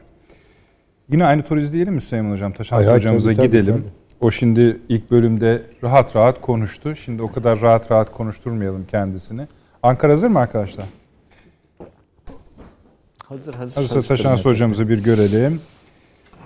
Şimdi sevgili hocam şöyle bir kanaat var. Bunu birden çok yazıda, okumada, makalede, yurt dışı makaleleri de var. Söyleyeyim ben şahit oldum. Türkiye Amerika Birleşik Devletleri ve Türkiye NATO ilişkilerinin bir finale yaklaştığı, çok tehlikeli bir yerde durduğu iki taraftan birinin iki taraftan birinin kamuoyunun kabul etmeyeceği bir adım atmadığı sürece, bakın çok ilginç yorumlar bunlar, bu işin öyle kolay kolay düzelemeyeceği. Türkiye'deki yorumlarda şuna geliyor. Yani Türkiye'nin anahtarını verirseniz tabii ki düzelir her şey. Bir dakika bile sürmez bu e, tartışma konuları diye. Şimdi size birinci sorum şu. Geldiğimiz süreçte Haziran görüşmesi, yani Haziran görüşmesini de şu bağlamda önemsiyorum. Hani bu olay yaşandı, bitti değil. Tabii ki bu konu ve bunun reaksiyonları Haziran'da ortaya çıkacak cepte. Buraya kadar gelen sıkıntılar cepte ama orada ne kadarı konuşulacak, nasıl konuşulacak bilmiyoruz, takip edeceğiz. Bir de vesile var. Yani NATO'nun toplantısı. O NATO toplantısının da kendine özgü bir önemi var. Nereden geliyor? Hem Avrupa Birliği hem Avrupa'nın kimi ülkeleri bizatihi ABD'nin kendisi buraya atıfta bulunarak önümüzdeki dönemde Biden yönetiminin kutsadığı Transatlantik İttifakı'nın yeni formunun nasıl olacağına ilişkin belki bir manuelin ortaya çıkacağı, kullanım kılavuzunun ortaya çıkacağı, buna göre ayarlamaların yapılacağı bir toplantı olduğu söyleniyor. Öyleyse önemli hakikaten. Çünkü bakalım bu işlere Avrupalı ülkeler en azından Almanya, Fransa ne diyor? Ve bakmak lazım. Onun içine de bir anlamıyla şeklen mi, esasen mi bilmem entegre olmuş oluyor. E zaten konuşulan konu şu. ABD Türkiye yani NATO Türkiye ilişkileri gibi. Sorun bir. Siz hakikaten böyle bir aşama görüyor musunuz? İki. E, eğer öyleyse, eğer öyleyse burada gerçekten bir yırtılma bekliyor yani bekliyorsanız nasıl olacak? Bir tabii bu spekülatif bir şey ama ben şahsen eğer öyleyse durum Türkiye'nin en önemli gündem maddesinin bu olduğunu düşünüyorum. Daha kritik, daha stratejik bir konu olduğunu düşünmüyorum. Geride kalanların hepsinin biraz konvansiyonel kaldığını düşünüyorum. Buyurunuz efendim. Valla çok çok haklısınız tabi bahsettiğiniz konu yani eğer bir e, yarılma, yırtılma Türkiye'nin e, genel uluslararası politika içerisinde konumuna dair e, bir köklü dönüşümden bahsediyorsak tabii ki konuştuğumuz her şey anlamsızlaşır yani o noktada. Ancak şöyle söyleyeyim hani ben öyle bir kanaatte değilim. Oraya geçmeden önce bir e, iki hususa değinmek isterim. Yani e, daha doğrusu hem Mehmet Bey'in hem Süleyman Hoca'nın bahsettiği bir husus aslında ortak bir nokta. Şimdi Mehmet Bey Moskova'da bahar gelmiştir oraya böyle eğlenceli, keyiflidir sokaklar falan. E, bu Huruşovka binaları vardır büyük büyük siteler. Onda kalan çocuklar şimdi sokağa çıkmış oyun oynuyorlardır. Mehmet Bey de görüyordur onları. Bir tane oyunları vardır Rus çocuklarının. Fritzler partizanlara karşı. Ee, Fritz malum işte Almanya'da en çok kullanılan isimlerden bir tanesi. Bakın bu bu tarz iddiaların sonucu böyle bir şeydir. Ee, ben Moskova'da yaşarken Alman bir arkadaşımın çok utandığını, çok üzüldüğünü hatırlıyorum. Ee, çünkü babasının, e, vefat etmiş babasının adı Fritz'ti. Ve çok üzülmüştü. Yani Rus çocukları hala Nazilerle bizi anımsıyor diye. Yani böyle 7-8 yaşında çocuklar çeteleşir böyle 10 kişi bir tarafta 10 kişi bir tarafta. Bir grup partizan olur, bir grup Fritz olur. Birbirlerini yakalayıp işkence ederler falan. Rus çocuk oyunudur. Ee, yani Allah göstermesin. Yani düşünebiliyor musunuz Mehmet adının e, böyle şeylerde kullanılacağını? Bakın bunun tehlikesi budur. Yani bu e, biraz önce de söyledi Süleyman Hoca. Yani gelip bizim e, doğrudan şahsımıza küfretmeye gerek yok. Bu doğrudan doğruya bizimle alakalı bir şeydir. Bunun ciddiyeti ve hametini bir kere daha altını bu örnekle çizmek isterim. Buna bağlı olarak Süleyman Hocam'ın söylediği husus, e, yani bunun bir moral politika mevzu olduğu çok çok önemli. Öz saygı meselesi olduğu ancak bu hani e, bütün hani e, psikolojinin de çok fazla üzerine çalıştığı konulardan bir tanesidir sosyalleşme kavramı. Sosyalleşme bireyin e, kendi bilinciyle oluşmaz sadece. Yani bireyin bilinci e, daha doğrusu tek başına böyle bir boşluk içerisinde oluşmaz. Bir sosyallik içinde oluşur. Evet. Dolayısıyla evet biz kendimize saygı duyacağız ama e, bize belli konularda laf edilmemesine laf edilmesine izin vermemek gibi bir mükellefiyetimiz de var. Yani bana ne canım ne derlerse desinler ben tek başıma yaşarım dünya üzerinde diye bir şey yok. Bakın bizim 300 yıllık modernleşme tarihimiz bu ulusun bir şekilde onurlu bir ulus olarak uluslar ailesi içerisinde yerini alması üzerine kuruludur. Cumhuriyet bunun en fazla taçlandığı momenttir e, Türk tarihi içerisinde ve biz buna sahip çıkmak durumundayız. Yani biz öyle tek başına yaşayacak ondan sonra Kuzey Kore gibi bir ülke olacak bir toplum değiliz zaten. O, o, o zaten lig düşmektir. E, o da bir cezalandırma yöntemidir Türklere. Onu, onu kabul etme durumunda değiliz. Hayır herkese anlatacağız. Şimdi bunun e, anlatacağız kısmını işte bu NATO toplantısına bağlamak isterim. Bunun birkaç tane efendim şeyi var, e, platformu var. Bir tanesi tarihçiler, efendim gazeteciler, efendim bu kamu diplomasisi denilen husus bu konuda daha aktif çalışacak. Bakın çok açık yüreklilikle söylemek isterim. Bir yandan gurur duyuyorum ben bu söylediğimden. Çünkü Azerbaycan'ı kendimden sayarım, bizden sayarım ama bir yandan da hayıflanıyorum. Çok genç bir cumhuriyet. Sovyetler Birliği'nden ayrılalı daha 30. yılını kutluyor Azerbaycan. Ama emin olabilirsiniz inanılmaz etkin bir kamu diplomasisi yürütüyor dünyanın her tarafında. Ee, ve e, Türkiye ile bu konuda Azerbaycan'ın ittifakını çok çok önemsiyorum. Birbirimize öğreteceğimiz şeyler olduğu kanaatindeyim. Bunu daha önce de söyleme fırsatı bulmuştum sizin programlarınızda. Bu birinci platformdur efendim. İkinci platform işin hukuki kısmı. Şimdi Mehmet Bey de söyledi. Tabii ki uluslararası hukukun genel kabul edilmiş halleriyle yani o e, NŞA denir ya normal şartlar altında Biden onu demiş bunu demiş. Bize ne? Uluslararası hukuku ne? Hukuka ne? Bağlayan bir şey yoktur ama hayat öyle değil. Hukuk siyasidir. Hukuk dünyanın her yerinde siyasidir. Bunun ölçüsüdür mühim olan. Yani e, şu hayatta her şey siyasiyse hukukun siyasi olmaması zaten düşünülemez. Şimdi burada hukuki bir mücadele son derece önemli. Çünkü Amerika'da e, başlayacak olan dava süreçlerinin Türkiye'yi mutlaka etkileyeceğini hesaba katmamız gerekiyor. Biraz önce örnek verdiğim alternatifler, ihtimaller olarak koyduğum efendim e, Amerika'da başkanlık aleyhine açılabilecek bir dava veyahut Uluslararası Adalet Divanı'na Ermenistan'la beraber gitme yolunda bir e, çalışma vesaire bunlardır. Diğer bir husus efendim siyasidir yani bu kamu diplomasisiyle bağlı olarak Amerika'yı bizim çok boş bıraktığımızı tespit etmemiz gerekiyor artık. Bunu bu programda çok konuştuk biz. 2015'ten sonra ama özellikle 15 Temmuz'dan sonra e, biz bıraktık. Yani e, böyle bir hakkımız var mıydı? Bu doğru muydu, yanlış mıydı? E, tartışmanın şu an yeri değil galiba ama Hani kısacık söyleyeyim yanlıştı. Yani hiçbir ülkeyi öyle tek başına bırakıp bana ne canım ne yaparlarsa yapsın deme gibi bir lüksü yoktur Türkiye gibi bir ülkenin. Burası önemli bir ülke. Her yerde siyasi olarak varlığımızı sürdürmek, argümanlarımızı en kuvvetli bir şekilde ve etkin şekilde var etmek zorundayız. Efendim karşı taraf dinlemiyor. Dinlemiyor doğru. Dinletmeye çalışacağız. Yani bunda pes etmek diye bir şey yok. Kim pes etti yani? Hani bu ülke Kurtuluş Savaşı sırasında insanlar pes mi etti o yokluğun içinde? Hani bu hiç kusura bakmayın şımarıklıktır bence.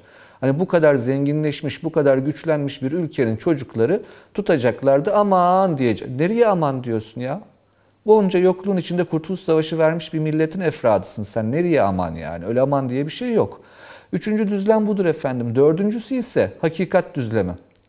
Yani realist politika çerçevesine baktığınızda bunu daha önce de söyledim sizin programınızda. Kendinizi vazgeçilmez kılmak zorundasınız, dokunulmaz kılmak zorundasınız. Yani bu tarz cüretkarlıklara izin vermemek durumundasınız. Bu ne demektir?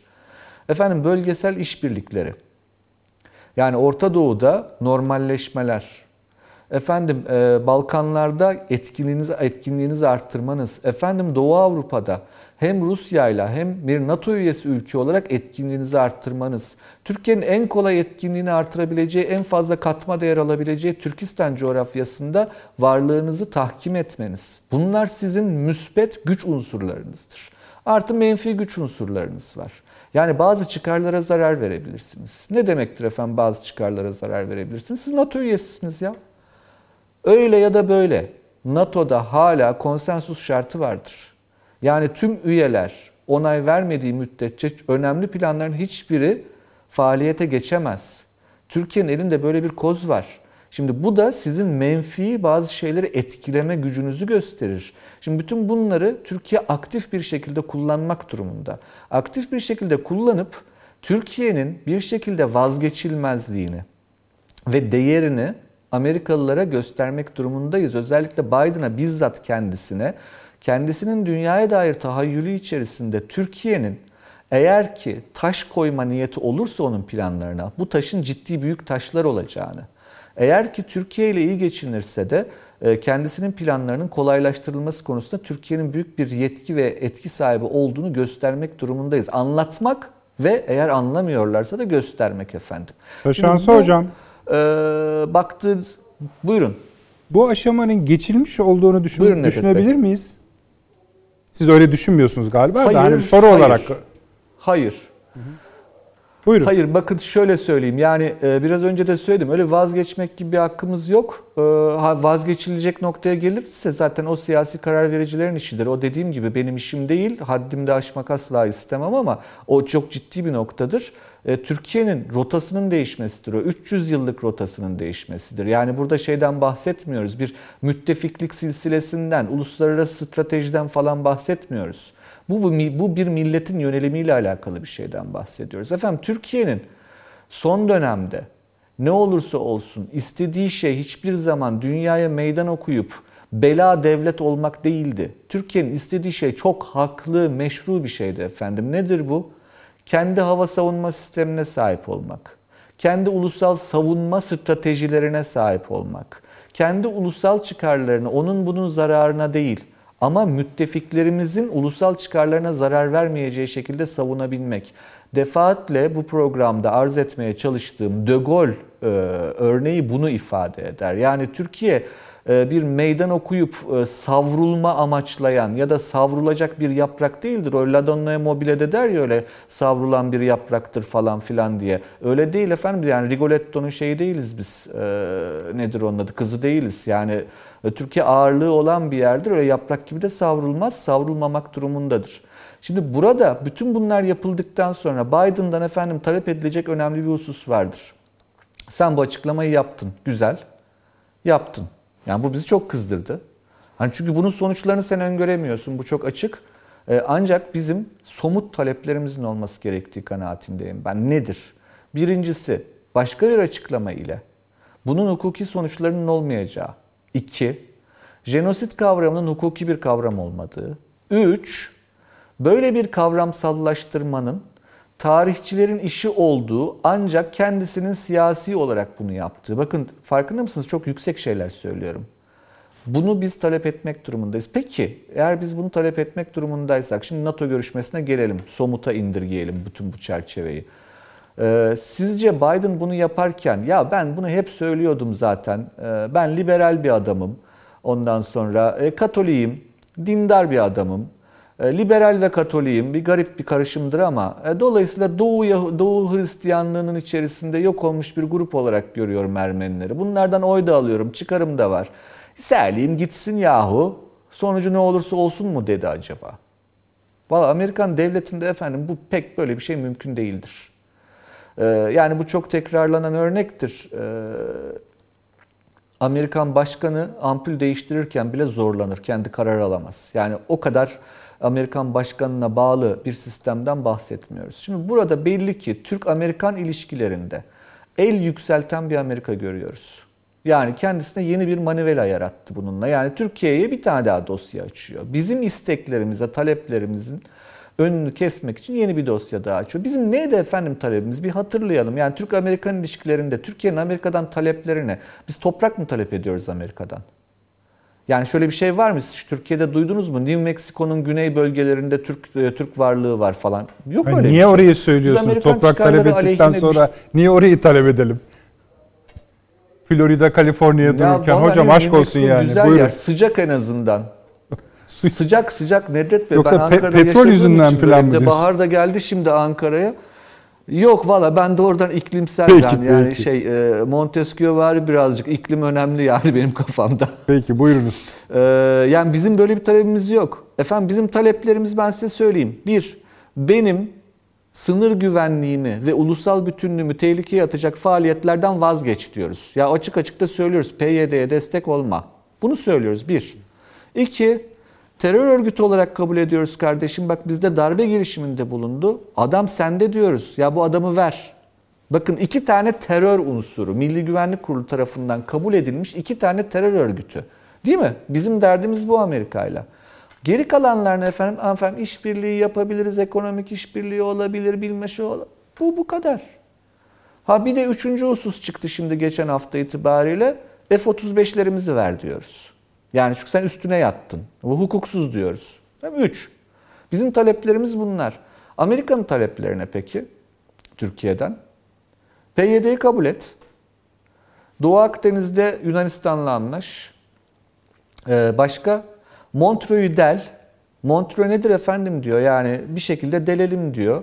E, Montreux'u del demek şu demek. Benim için diyor koçbaşı ol ben Rusya'yı ittireceğim, kaktıracağım ama kendim de e, tokat atamıyorum. Sen benim yerime vur.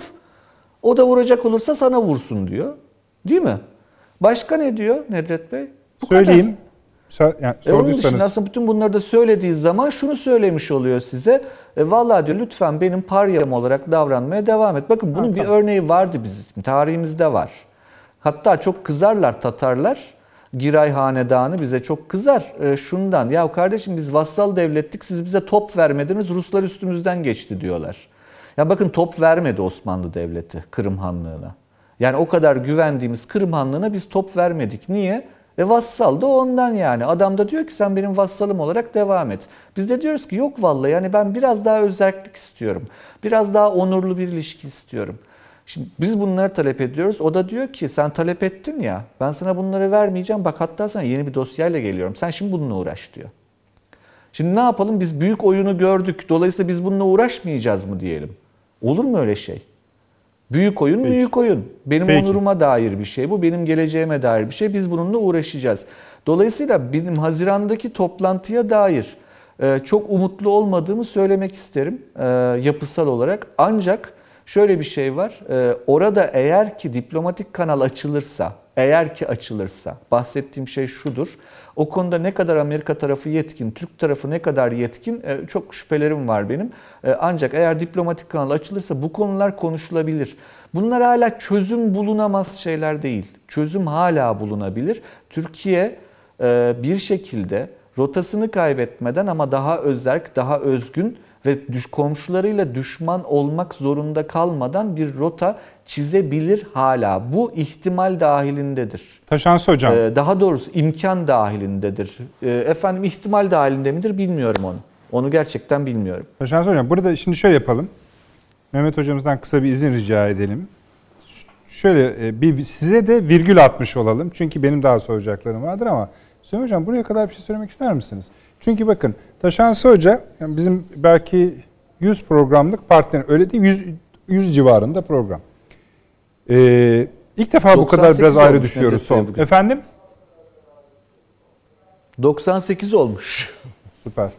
Dalya yani. diyeceğiz yakında. Tabii, Dalya diyeceğiz. İşte pastanızı bekliyoruz Taşans Hocam. Siz yani düzelttiniz bir şey diyemeyeceğim. Ee, şimdi buraya kadar ama şeye girmeden, Haziran toplantısına girmeden Taşans Hoca'nın söyleyeceklerine ekleyeceğiniz bir şey var mıdır? Yani e, bana göre daha iyimser konuşuyor. Hı hı. Daha fazla beklentisi var. E, ve bazı kanalların e, sonuna kadar e, kullanılması gerektiğini, nafile sonuçlar verse bile kullanılması gerektiğini söylüyor. Buna benim itirazım olamaz. Yani üçüncü... Ağzında itirazınız oldu. Yani şöyle sonuçlarını öngördüğüm zaman buradan bir sonuç çıkmayacağını söylüyorum ben. Yani siz istediğiniz kadar kendinizi anlatın. Yani Hazreti Mevlana'nın güzel bir sözü vardır. Hatta artık hemen hemen herkes biliyor. Yeni yani bir... siz kendinizi nasıl anlatırsanız anlatın. Karşı taraf onu anlamak istediği gibi anlar der. Peki. Yani onun için e, ben çok fazla bir şey e, beklemiyorum açık söylemem gerekirse. Tamam, Tabii ki e, karşılaşılacaktır, konuşulacaktır NATO disiplini. İkincisi katıldığım bir nokta daha var e, Taşan Hocam. Ben hani böyle bazılarının Peki o izlenimi verdim bu konuşmamla. E, çünkü hop oturup hop kalkarken konuşmak zor. E, hani böyle birden her şeyi berhaba edip Türkiye'yi Kuzey Kore'ye çevirmek, kapatmak. Hayır efendim böyle bir şey. Duruştan bahsediyor. Bu çok önemli bir şeydir. Hayır, yani şey, eylemler eylemlerden bahsediyor. Eylemden önce Hayır, Ben sizi çok iyi anlıyorum. Taşan Hoca'nın da anladığını yani Onun için hani yani. böyle kendimizi kapatalım. Dünya umurumuzda değil. Hayır yalnız beklentilerimizi iyi tayin edelim. Yani böyle kamu diplomasi yaparak bilinçleri değiştireceğiz. İzlenimleri, algıları bunu beklemeyelim. Yani zaten e, Taşansı Hoca'nın çizdiği tabloya bakacak olursak artık konuşulacak bir şey olmadığı açıkça. Dayatmalardan yani başka bir şey yok burada tek, yani. Hani bütün maddeleri saydı. Fethullahçı terör örgütünü de saydı. Fethullahçı terör örgütü ama şöyle de ekledi. PYD ne istiyor sizden? Ülkenizi bölmek istiyor değil mi? E güzel Tabii, bunun neyi konuşulur? Hayır tamam ama Fethullahçı terör örgütünün tezahürü de şu. Türkiye'yi ve ve sadece Türkiye'yi değil etkilediği bütün coğrafyayı ben yöneteyim diyor. FETÖ'nün tercümesi budur esasında 15 Temmuz'un. E, tabii ki. Yani e, peki bir gün saydı konu. Taşans Hocam bir bağlarsanız Sonra Mehmet hocama geçeceğiz. Devam edeceğiz tabii, ama tabii. zamanımız var. Aslında, Buyurunuz. Aslında çok çok az şey kaldı. Buyurun. Çok az şey kaldı söylemek istedim ama hani şey bir, bir defa mutlaka o notu düşmek isterim. Süleyman Hoca'dan e, kesinlikle e, açıklamasından önce öyle bir şey zaten anlaşılmıyordu. E, ama hani şey Süleyman Hoca hassas oldu hassas olduğu için kendi izahat konusunda onu detaylandırmış oldu diye düşünüyorum. Şimdi bu yani ne olur ne biter Haziran toplantısında yani zor bir toplantı olduğunu kabul etmek lazım. Bunun kritik bir toplantı olduğunu çok e, artık e, kabul etmek lazım. Yani e, şöyle bir rutin Türk-Amerikan ilişkilerine dair, Türk-NATO ilişkilerine dair bir toplantı olmadığı açık bunun. Evet. Burada ciddi bir kriz var ve bu ciddi kriz yani dediğim gibi 64 Johnson mektubuyla yahut 74 Kıbrıs Harekatı sonrasıyla karşılaştırılacak kadar ciddi bir kriz ortamı bu. Evet. Şimdi burada e, hala yapılacaklar var dememin sebebi belki gerçekten hani benim fazla umutlu olmamla alakalı olabilir. E, ancak zorlanmak durumundadır e, diye düşünüyorum. E, siyaset böyle bir şey ne yazık ki hani e, optimumu yakalamakla alakalı. E, optimum dediğiniz zaman da ulusun çıkarlarıdır asıl olan. Yani e, bazen hiç içinize sinmeyen şeyler de o anlaşmaların içerisinde olabilir. Ancak benim mesela kişisel olarak hani dediğim gibi ben tavsiye vermek e, noktasında değilim devlete ama kişisel olarak benim kırmızı çizgimin dışındadır. Ee, bu soykırım iddiasına dair yapılmış açıklamanın böyle kalması. Yani ben ben olsam e, birinci önceliği ona verirdim e, diye haddimi aşan bir cümlede kurmuş olayım. Hiç istemeden Peki. bunu söylüyorum ama bir kerelik istisna yapmış Tamam hocam konuşacağız. Var süremiz. Üçüncü turumuzu yapacağız. Mehmet hocam buyurunuz. Yani buraya Şimdi, kadar ki evet. e, bölüm içinde hakkınız var. Sonra da Haziran konusuna değinebilirsiniz. Şimdi e, Türkiye ile ABD arasındaki e, sorunlar bazı e, taktiksel sorunlar veya iki müttefik arasındaki basit sorunlar değil. Türkiye ile Amerika Birleşik Devletleri'nin çıkarları stratejik olarak birbiriyle çelişiyor. Amerika Birleşik Devletleri'nin esas amacı Orta Asya'daki enerji kaynaklarını ve enerji yollarını kontrol altına almak. Ve ABD'nin bu hedefinin önünde e, bazı engeller var. Onlar da köklü devlet geleneklerine sahip olan, ciddi ekonomik ve askeri potansiyele güce sahip olan ülkeler. Rusya'sı, Çin'i ve bu arada da tabii e, Türkiye'si. Şimdi ABD e, kendi bu planını, bu stratejisini yani bu hedefini tırnak içerisinde e, Rusya'ya, Çin'e ve Türkiye'ye kabul ettirmeden o Orta Asya'daki enerji kaynaklarını ve enerji yollarını kontrol altına alması mümkün değil. Dolayısıyla bu ülkeler ABD açısından birinci derecede düşman konumunda. Düşman konumunda olduğunu zaten artık katsa yaptırımlarıyla falan da ilan etmiş bulunuyor. Bununla birlikte Amerika Birleşik Devletleri'nin bu Orta Asya'yı ve oradaki enerji kaynaklarını ele geçirme stratejisinde bir de atması gereken adımlar var. Yani bazı e, zıplama tahtalarına, tramplenlere, üstlere ihtiyacı var. Bunlar da Kuzey Afrika'dan başlıyor. Doğu Akdeniz'i, Orta Doğu'su, e, Karadeniz'i, e, Doğu Avrupa'sı e, işte bir Kürdistan kuracak, Ukrayna'yı e, diyelim kontrolü e, altına tamamen alacak. E, Libya'da tekrar bir kontrol sağlayacak. Kafkasya'da işte denedi e, Paşin'in üzerinden bir şeyler yapmaya kalktılar. Tabi olmadı ama Kuzey, e, Güney Kafkasya hala e, Orta Asya'ya giden yollar açısından önemli. Şimdi burada dolayısıyla Amerika'nın bu stratejik planından vazgeçmediği sürece Türk-Amerikan ilişkilerinin düzelmesi mümkün değil.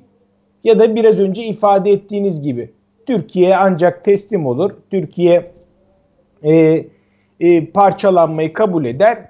E, o zaman işte e, Amerika ile e, o, o zaman işte artık bir sözde bir Ankara hükümeti mi ne olacaksa o zaman Türk-Amerikan ilişkileri e, düzelir. Bu bakımdan e, aradaki ayrışmanın stratejik olduğunu görmek lazım ve Türkiye'nin de buna göre konumlanması lazım. Şimdi NATO'da biraz önce bahsettiğimiz stratejinin örgütü. NATO ABD'nin Orta Asya enerji kaynaklarını ve oraya giden yollarda kendisine sıçrama tahtaları yaratma projesinin örgütü. Şimdi daha önceden neydi? Bir Sovyet tehdidi vardı. İşte e, SSCB'ye veya işte Varşova Paktı'na karşı kurulmuştu. E sonra SSCB dağıldı. NATO anlamını da yitirdi. NATO anlamını yitirdi ve artık NATO ABD'nin kendi planlarına eski müttefiklerini sürme örgütüne dönüştü. Buna Avrupa'da dahil ve Avrupa içerisinde de buna artık itirazlar var. Yani artık Avrupa'nın arabasına koşulmak istemiyor. Pardon ABD'nin arabasına ko- koşulmak istemiyor. Berlin'i, e, efendim Paris'i vesaire. Bu bakımdan e, NATO'nun geleceği olan bir örgütte değil ve zaten bunu açık olarak Macron da söyledi. Beyin ölümü gerçekleşti diyor NATO'nun. Çünkü herkes NATO içerisinde de ayrı telden çalmaya başladılar. Şimdi Amerika açısından Rusya, Çin en büyük tehdit. Bunu NATO'ya da diyelim dayatıyor. E ama bakıyorsunuz Almanya en stratejik projelerini Rusya ile birlikte yapıyor. Fransa'sı Çin'den vesaireden tam anlamıyla vazgeçemiyor. Düşman kampta görmüyor. E Türkiye açısından bakalım. Rusya bugün Türkiye'nin birçok alandaki en önemli müttefiklerinden bir tanesi. E şimdi Türkiye NATO üyesi. E, NATO diyecek ki Rusya Çin temel tehdit. E Türkiye'nin en önemli müttefiki. Hatta Türkiye'nin bölgedeki tehditleri, kendisine olan tehditleri dengelemek açısından da en önemli kuvvetlerden bir tanesi. NATO tabi sadece dış politika açısından önemli değil, iç politika açısından da önemli. Sayın hocamız Süleyman Seyfi hocamız çok güzel söyledi. İnsanların zihinlerine işledi NATO.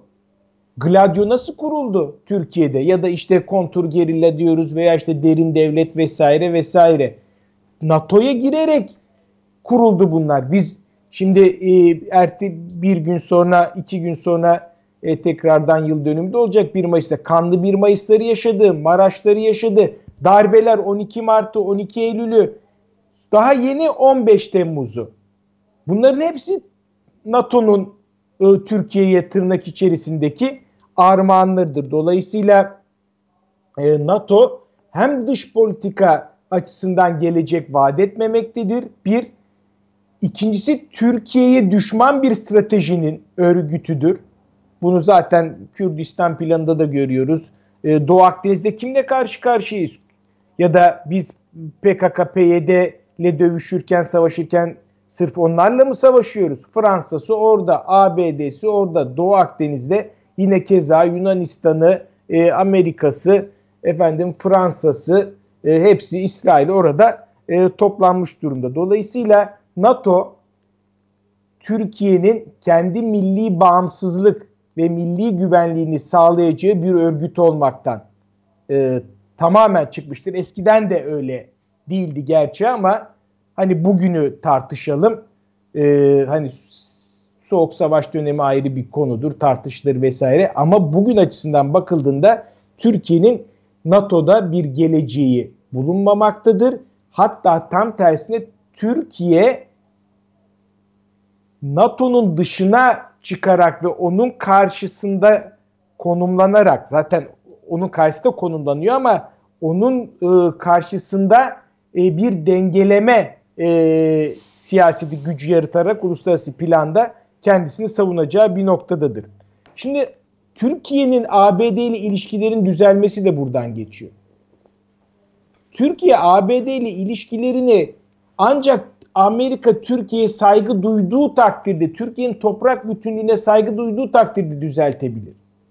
ABD'nin önünde eğilerek onun efendim planlarına kıyısından köşesinden katılarak veya onu biraz idare edelim, biraz da bu tarafa idare edelim diyerek ABD ile ilişkilerinizi düzeltemezsiniz. ABD ile ilişkilerinizi düzeltmek istiyorsanız dik durursunuz. Onun tehdidi karşısında güç yaratırsınız.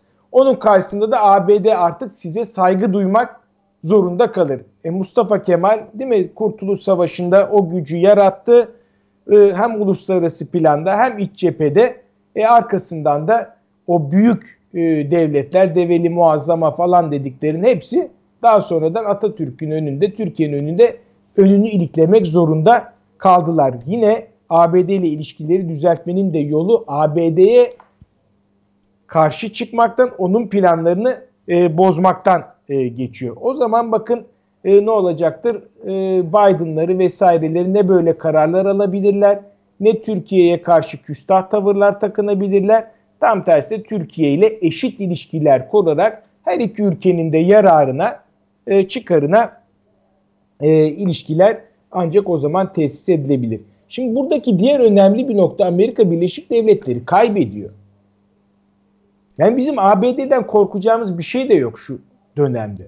Şimdi nerede kaybediyor? Bir kendi içinde ciddi sorunlarla karşı karşıya. Yani o belki biraz sembolikti e, senatonun basılması ama sadece sembolik bir olaya e, anlatmıyor. ABD ikiye çatladı, kabak gibi ayrıldı. Amerika'daki o müesses nizam dedikleri nizam bozuldu.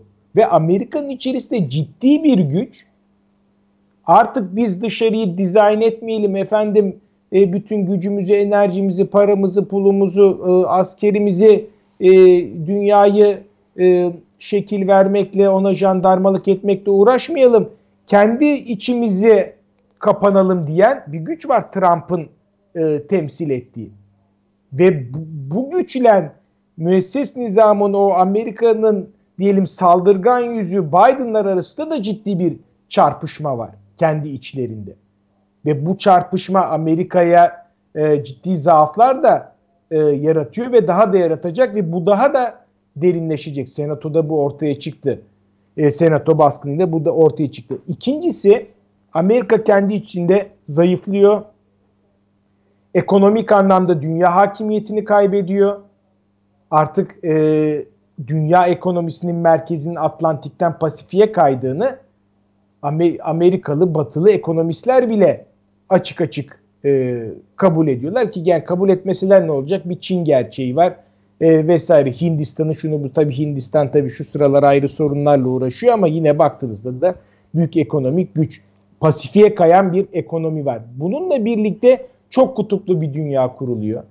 Yani o 90'lardaki Sovyetler Birliği'nin dağılmasıyla e, oluşan ortam bitmiş durumda. 2000'lerle birlikte ve 2010'ların da e, devamıyla artık e, çok kutuplu bir dünyada yaşıyoruz. Sadece Amerika'sı değil hatta sadece Rusya'sı, Çin'i veya işte Türkiye gibi çeşitli e, bloklar, e, kutuplar ortaya çıkmıyor. Atlantik bloğu içeris içinde de parçalanmalar var. Avrupa ayrı bir başı çekmeye başladı. Daha önceden de ifade ettiğimiz gibi e, ABD'nin dümen suyundan çıkıyor. Ben ayrı bir gücüm, ekonomik gücüm demeye başladı. Macron'a, Merkel'e baktığımızda her türlü sözünde, lafında, icraatında bunu e, görebiliriz. Bu bakımdan e, Amerika çok kutuplu dünyanın kurulması ile birlikte kendi içinde yaşadığı sorunlarla birlikte korkulan bir güç olmaktan çıktı. Yani eğer Türkiye diyelim e, Amerika'nın bazı dayatmalarına veya bazı tehditlerine e, Amerika'dan korktuğu için diyelim cevap veremiyorsa bu da yerinde bir e, tavır değil. Bazen evet geri çekilebilirsiniz diyebilirsiniz ki ya benim gücüm yetmiyor. Sert bir çatışmayı göze alacak durumda değilim. Biraz geri adım atayım, toparlanayım vesaire. E, çünkü bir çatışmaya girersem çok daha ağır hasarlar alabilirim falan diyebilirsiniz. Ama öyle bir durum kesinlikle yok. Bakın Amerika e, Suriye'yi diş geçiremedi. İran'a diş geçiremedi. Türkiye'ye diş neydi eskiden 12 Eylül, 12 Mart falan darbeler istediğini yapıyordu. Alın işte 15 Temmuz. Amerika orada da çuvalladı. Karadeniz Ukrayna'yı kışkırtmaya kalktı Rusya'ya karşı. iki tane gemisini gönderecekti. Onu bile gönderemedi. Orada da aciz kaldı. Bu bakımdan e, önümüzdeki süreçte Türkiye'nin cesur adımlar atabileceği ve atması gerektiği Peki bir hocam. dönem var. E, bu, bu yani son olarak onu e, söyleyelim. Lütfen. Türkiye açısından büyük fırsatlar var. Bu fırsatları e, değerlendirmekte ve Türkiye yönelen tehdidi engellemekte e, cesur adımlar atmaktan geçiyor ve Türkiye'de bu adımları atacağına inanıyoruz. Yani bunu e, Haziran toplantısı beklenir beklenmez ama bu adımların atılması zorunludur ve bunun da zemini vardır. Peki. Teşekkür ediyorum şimdilik Mehmet Hocam. Tabii şimdi hani Haziran beklenir beklenmez diye bağladı ama Mehmet Bey Şimdi e, bugüne kadar ki yani e, son 15 yılın dış politikasına bakıldığında özellikle son 5-7 yılın dış politikasına bakıldığında bu tür tarihler bekleniyor. Yani görelim diyorlar. Yani çoktan kararlar alınmış Doğru olsa yani, da, çoktan çok listeler oluşturulmuş Fevri olsa da ha, nedir yani diye görelim isteniyor. Bunun örneklerini de yaşadık daha önce. E yani tamam görürsün o da ayrı bir konu. Buraya kadar buyurunuz. Tabii aslında, aslında şu anda yani sizin salı günü bir açılışını yaptığınız Haziran e, konuş. Haziran diye söylüyoruz. NATO toplantısı işte yani. Aslında çok da yok. Hani ama yani zaten yani, işte yani. Şimdi o kadar e, bence e, tartılmadan e, e, kullanılan ön kabuller var ki ben şimdi mesela Mehmet Hoca'nın söylediği son derece doğru. Yani sanki bir NATO var tıkır tıkır işliyor Türkiye burada böyle bir problem üreten, arıza çıkaran bir unsur gibi. Halbuki değil. NATO külliyen şaşkın durumda. Bakınız bunu daha önceki e, belki e, toplantılarda, programlarda bir şekilde dile getirmeye çalıştım. Şimdi 1990'da bu duvar yıkıldığı zaman 89 neyse işte sonra Sovyetlerin çöküşü filan Bakın bilinçler ne kadar kolay yanılıyor. Aslında çok çocuksu bir tabiatı var bilinci kendi haline bırakırsak. Hemen insanlar bunu nasıl yorumladılar? İşte Amerika'nın zaferi, Batı'nın zaferi, Varşova Paktı yıkıldı, NATO kazandı vesaire vesaire. Hayır, halbuki buyurunuz. Halbuki şu artık anlaşılıyor ki bir dünya sistemi var. Bu dünya sisteminin içinde kurulan bir denge var. Yani NATO'nun karşıtı eğer Varşova Paktı'ysa ve o ortadan kalktıysa bu NATO'yu da boşluğa düşürecek olan bir şeydir. Hatta hatta ekonomik tarih açısından bunu yer yer konuşuyoruz. Yani Sovyetlerin yaşadığı ağır ekonomik kriz bugün Amerika'nın yaşadığı ekonomik krize birebir neredeyse e, ne diyelim ona örtüşüyor. Yani altyapısıyla çöktü Sovyetler değil mi yani? Bakımsız altyapıları, şunlar bunlar. E bugün Amerika manzaraları farklı değil ki yani. Bakımsız altyapılar, yollar, köprüler, hatta reaktörler falan yani çok yani Çernobil e, Amerikan gücünün sembolleri sembolleri. Yani şimdi demek ki o zaman da, da zil takıp oynamamak gerekiyormuş. Yani bilincimizi terbiye etmemiz gerekiyormuş bu dengeyi görmemiz açısından. NATO bir boşluğa düştü. Ne yaptı sonra? E tabi düşmansız var olamıyor. Ve o güne kadar bizim Türk sağı da maşallah böyle yani dört dörtlük NATO'nun e, emperatiflerini, gereklerini yerine getiren bir siyasi şekillenme Son dönemde bu daha çok söyleniyor biliyorsunuz değil evet, mi? Evet ama şimdi ne oldu? Oyun tersine döndü. Düşman olarak e, işte İslami terör bilmem ne filan işin ucu İslam'ı tutunca bu sefer garip bir biçimde sağ anti emperyalist bir çizgiye doğru Bunu geldi. yaparken ama öz eleştiri de yaptı mı? Yani yapmadı tarihi, efendim yakın yapmadı. Yani. İşte el yordamıyla gidiyoruz yani. yani bir kere kendi geçmişiyle de bence her ideoloji hesaplaşmalıdır. Hı hı. E, sol ise tam tersini yaptı. Tabi istisnaları var ama e, tuttular anti-emperyalist hassasiyetlerini e, rafa kaldırdılar. İşte liberal bir batı, aydınlanma masalları falan, hukuk, demokrasi şu bu. Ya adamlara söylüyorsunuz ya bunların bir sömürgeci sicili var ve Elyev devam ediyor e, filan. Hayır hayır bunlar aşılmıştır. Batı olgunlaştı falan gibi.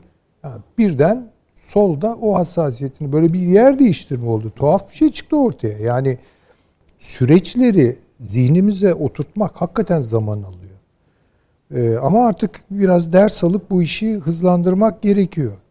Yani demek istediğim şey şu. NATO'yu bugün stabil, kendi düzeni, rutinleri, takvimi içinde işleyen, siyasetleri belirlenmiş, doğruları, e, yanlışları ortada bir şey değil ki. NATO'nun içi kaynıyor.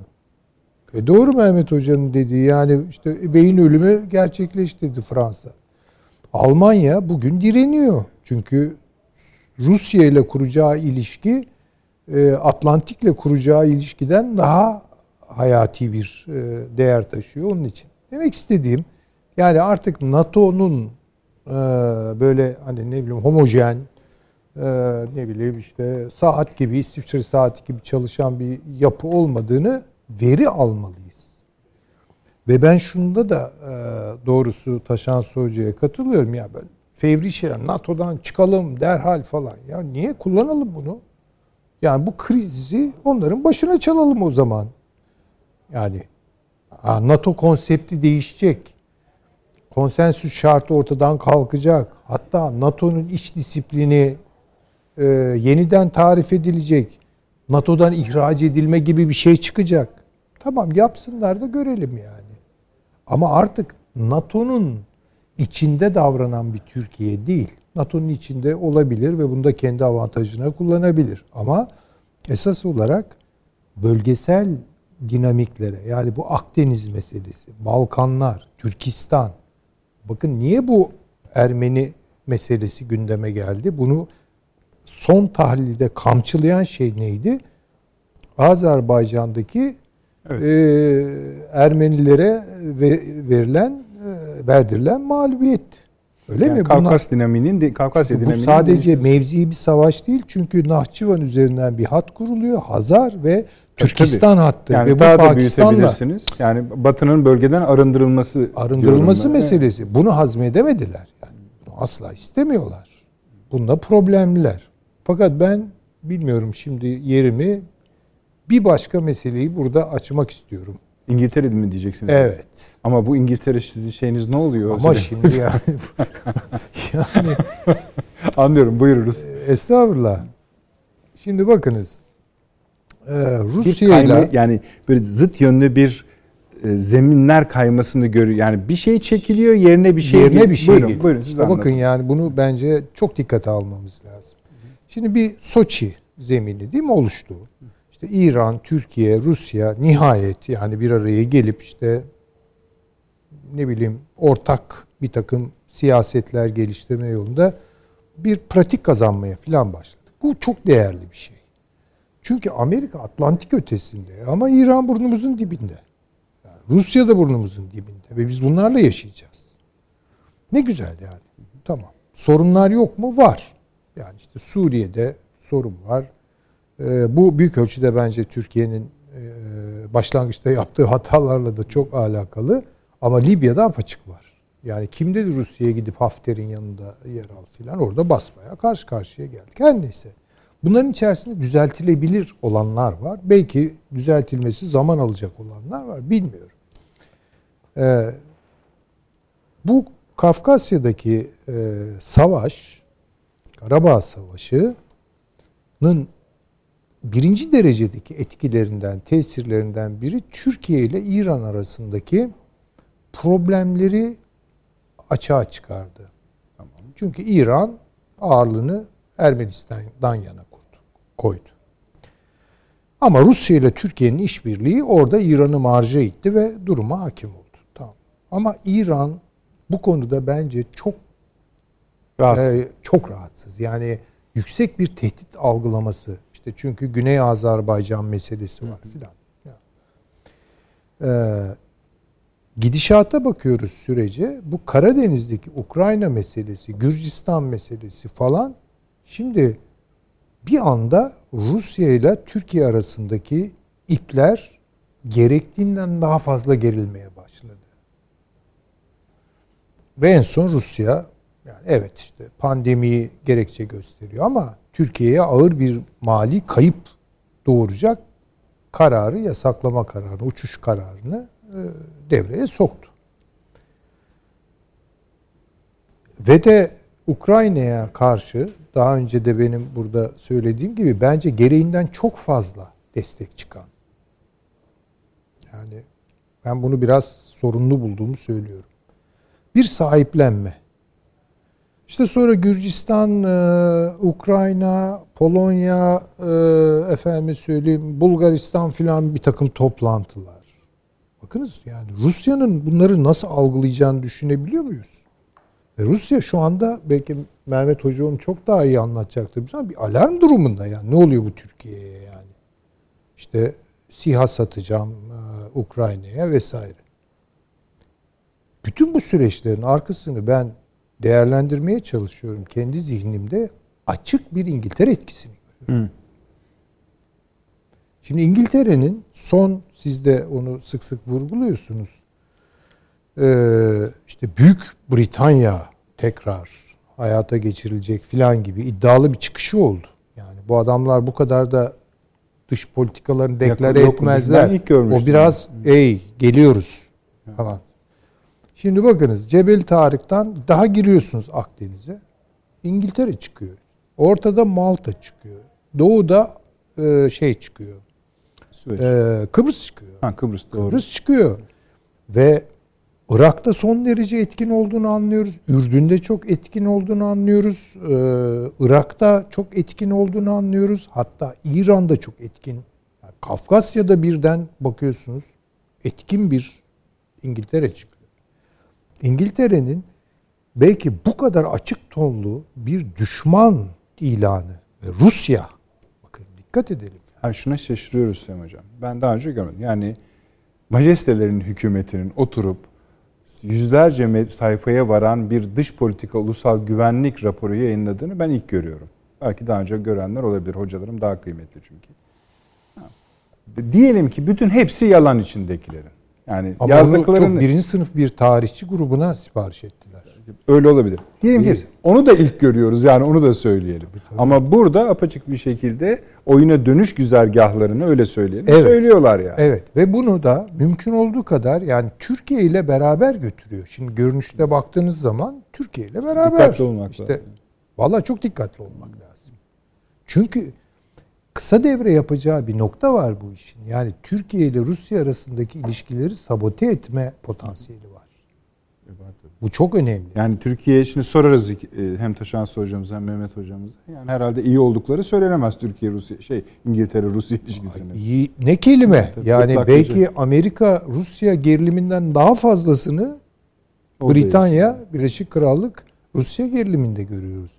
Açıkça düşman Kolay değil yani bir İngiliz diplomasisinden bu lafın çıkması.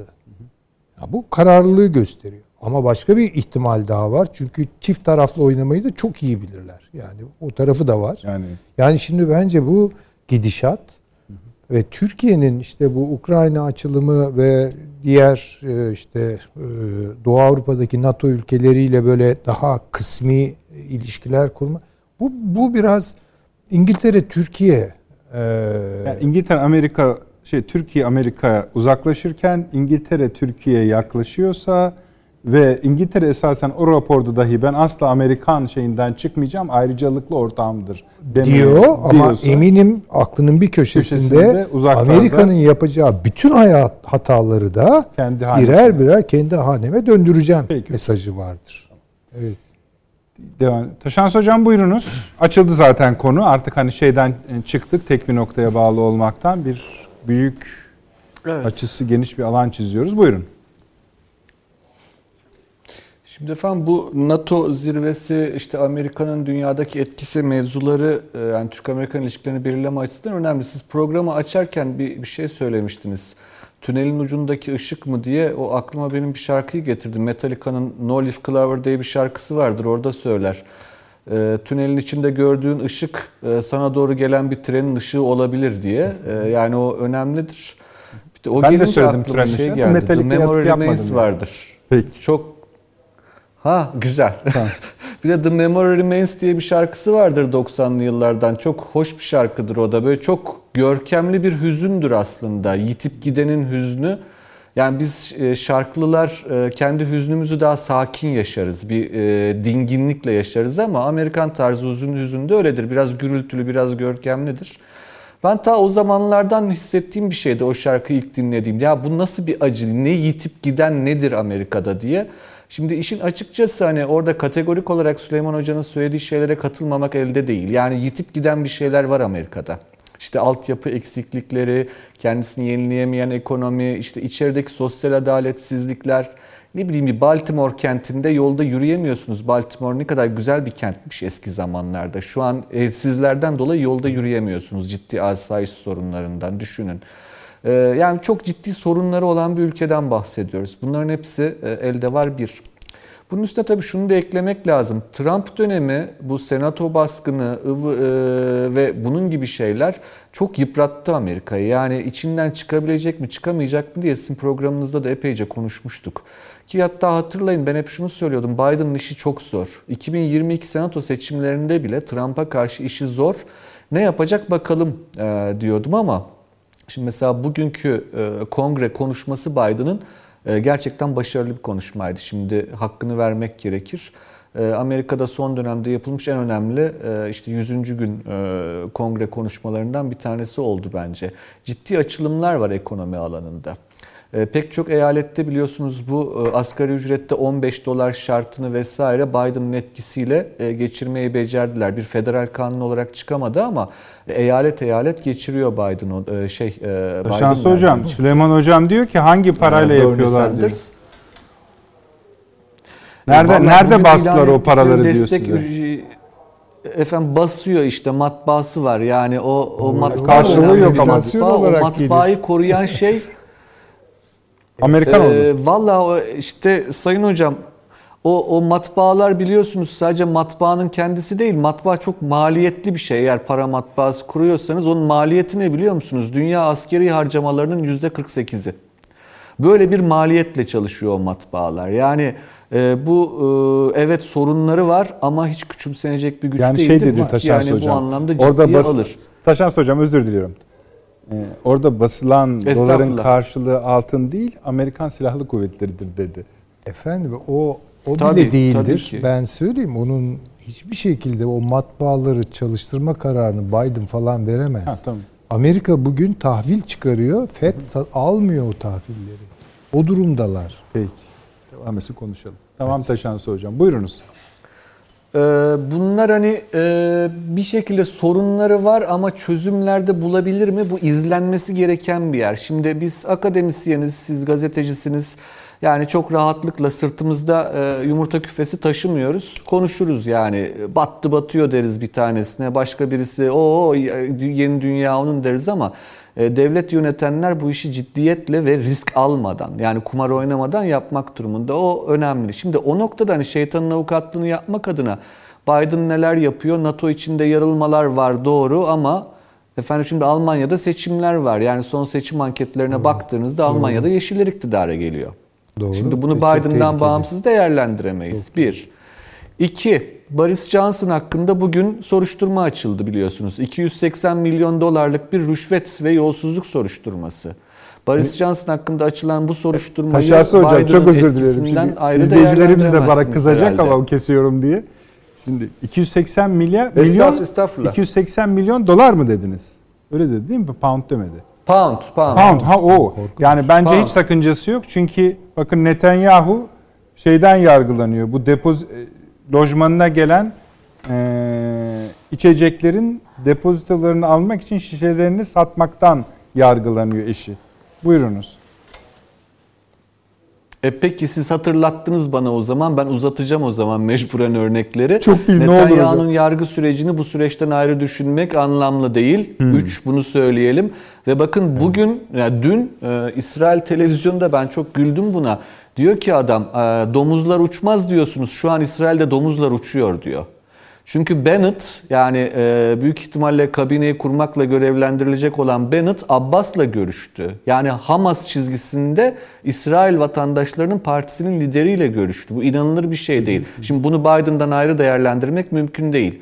Peki devam edelim. Avrupa Birliği bugün bir karar aldı biliyorsunuz e, tavsiye kararı olarak çıktı. E, Rusya'nın SWIFT sisteminden çıkarılması. Evet evet. O te- yani e, para transfer sisteminden çıkarılması tavsiye ediliyor. Önemli Şimdi herhalde şey bunu bu. da e, uzaydan gelmedi ama en önemlisi, en önemlisi efendim Cevat Zarif'e dair ve John Kerry'e dair sızıntı İran'daki bakın İran İran'ı bir şekilde Rusya'dan koparıp kendisine bağlamaya çalışan ve bu yönde epeyce yol almış bir Amerika görüyoruz.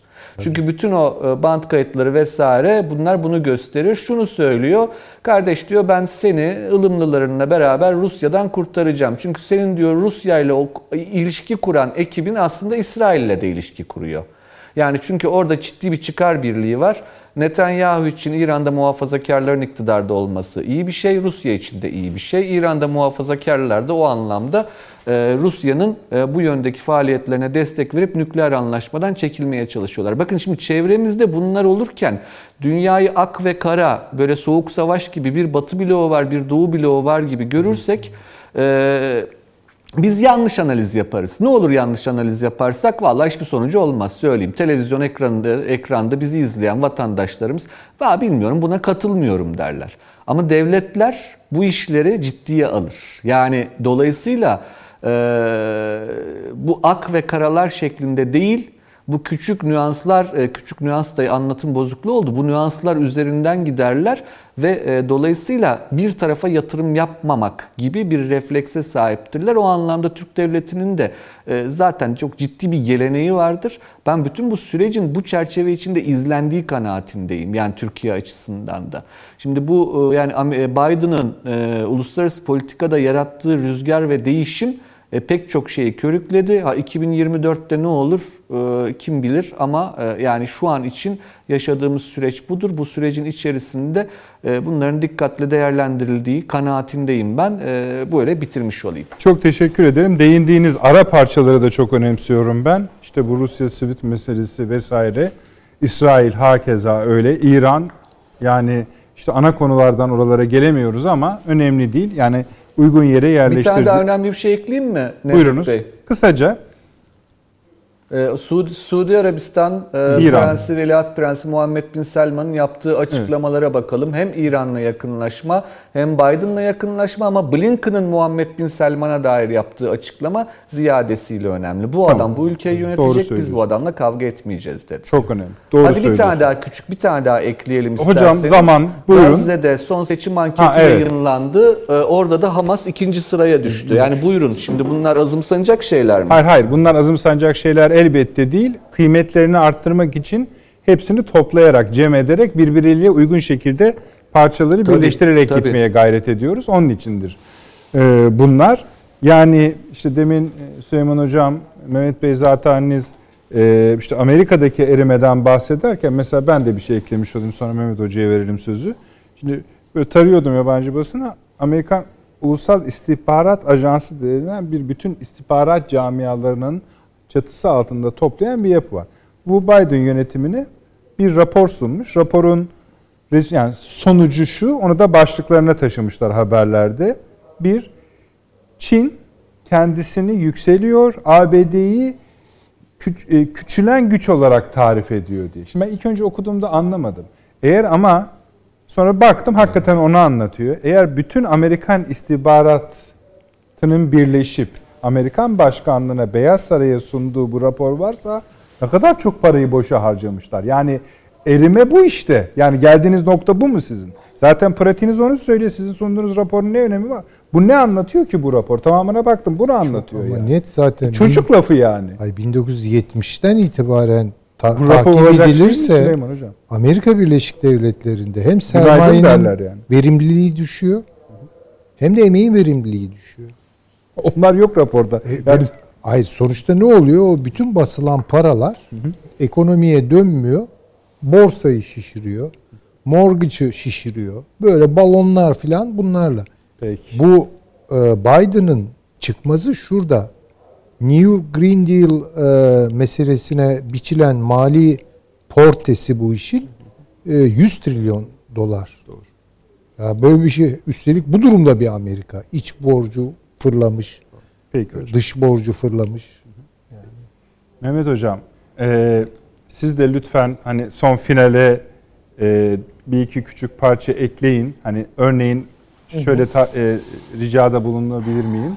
Mesela Azerbaycan-İsrail ilişkileri üzerine Rus bakış açısını ya da siz e, hani özel olarak bu iki iki ülke arasındaki ilişkiye bir bize bilgi aktarabilirseniz sevinirim. Diğer konularımızın yanında ben size şöyle de bir kolaylık sağlayayım. 7 dakika 30 saniyeniz var. Hepsi için. o zaman şimdi e, Azerbaycan e, İsrail ilişkilerine kısaca hemen baştan değinelim. Şimdi Azerbaycan'da tabi e, dağlı Yahudiler var. E, e, e, Azerbaycan ekonomisinde de ciddi güce sahipler. Azerbaycan ekonomisinde değil, Rusya ekonomisinde de çok e, güçlü isimler yani Moskova'da yaşayan ve bunlar da Azerbaycan devletine çok e, sadık ve şey gittiler. Hatta ilk Karabağ Savaşı'nda savaşmış olanlar vesaireler de var. E, yani bir taraftan tabi İsrail ile Azerbaycan arasındaki ilişkilerdeki temel diyelim e, tutanak noktalarından bir tanesi bu. Ama tabi İsrail burada e, şöyle bir amaç da e, güdüyor. Daha doğrusu esas amacı da o. İran'a karşı Azerbaycan'ı kullanmak. Yani bu kullanıyor anlamında söylemiyorum ama e, bir taraftan da onu dengelemek amacıyla da oradan bir şey yapmaya e, dengelemeye e, diyelim çalıştığını e, söyleyebiliriz. Şimdi e, tabii yani Azerbaycan İsrail arasındaki ilişkiler e, Bakü'yü ilgilendirir. Bizim karışacağımız da bir şey değildir. Ama Türkiye-İsrail arasındaki ilişkiler açısından da e, birkaç bir şey söyleyelim. Şimdi ara sıra konuşuluyor İsrail ile ilişkileri normalleştirmek vesaire. E, bu işin bir tane kıstası var. Türkiye ile İsrail ilişkilerinin normalleşebilmesini.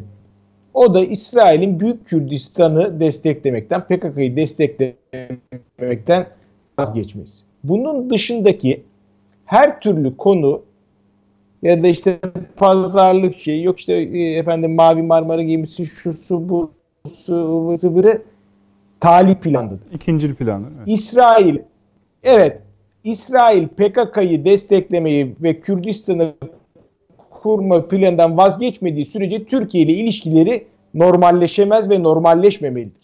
Ve bizim açımızdan da tek kıstas ve ana kıstas bu olmalıdır. Şimdi Türkiye tabi e, e, kendisine yönelik tehdidi Libya'da, Doğu Akdeniz'de, e, Suriye'de e, kendi yönelik tehditleri diyelim bertaraf ediyor. Orada doğru bir çizgi izliyor ve iyi bir e, mücadele veriyor. Bu e, çok önemli.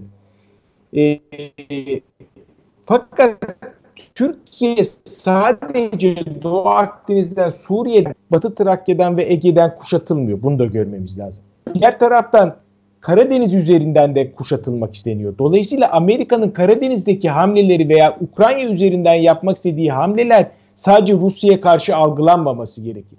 Yani Amerika Suriye'de Büyük Kürdistan'la vesaireyle uğraşırken Ukrayna'da Türkiye'nin yararına bir şey yapabilir mi?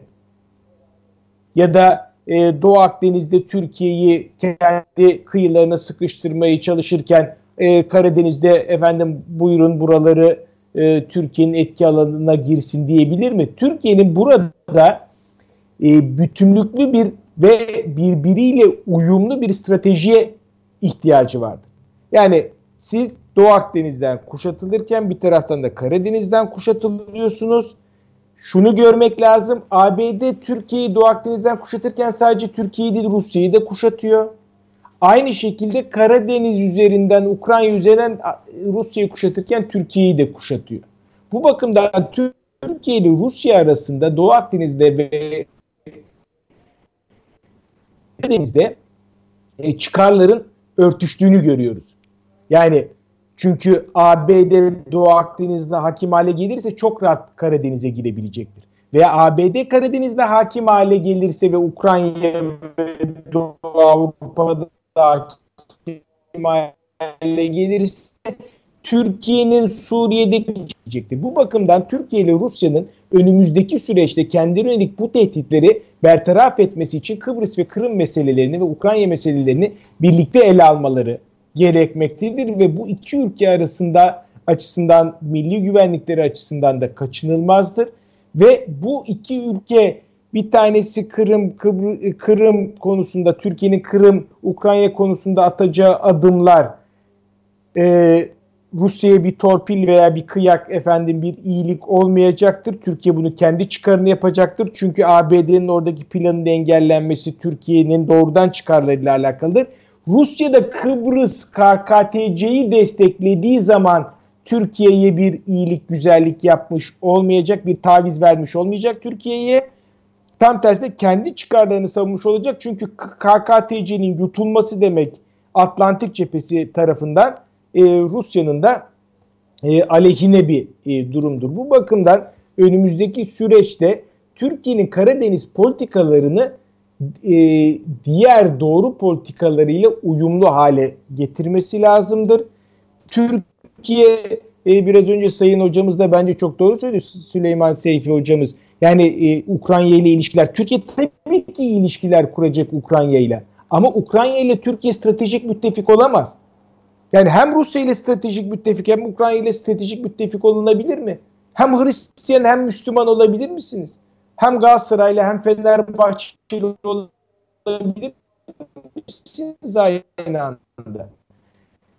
Ya, Rusya ile stratejik müttefikliğin stratejisi şudur. ABD'nin bölgedeki planları, ekonomik ortamı hazırlamak, işte e, ekonomiyi vesaire geliştirmek vesaire. E, Ukrayna ile bir stratejik müttefikliğin e, stratejisine ABD'nin e, bölgeye müdahalesine alan açmak. Şimdi birbirine zıt stratejiler bunlar. Bu bakımdan biz tabii mutlaka Ukrayna ile ikili ilişkilerimizi geliştirelim vesaire ama stratejik müttefiklik ayrı bir e, kavramdır ve Hocam bağlarsanız... e, o ilişkilerin evet ilişkilerin hiçbir şekilde Rusya'ya karşı olmaması e, gerekir.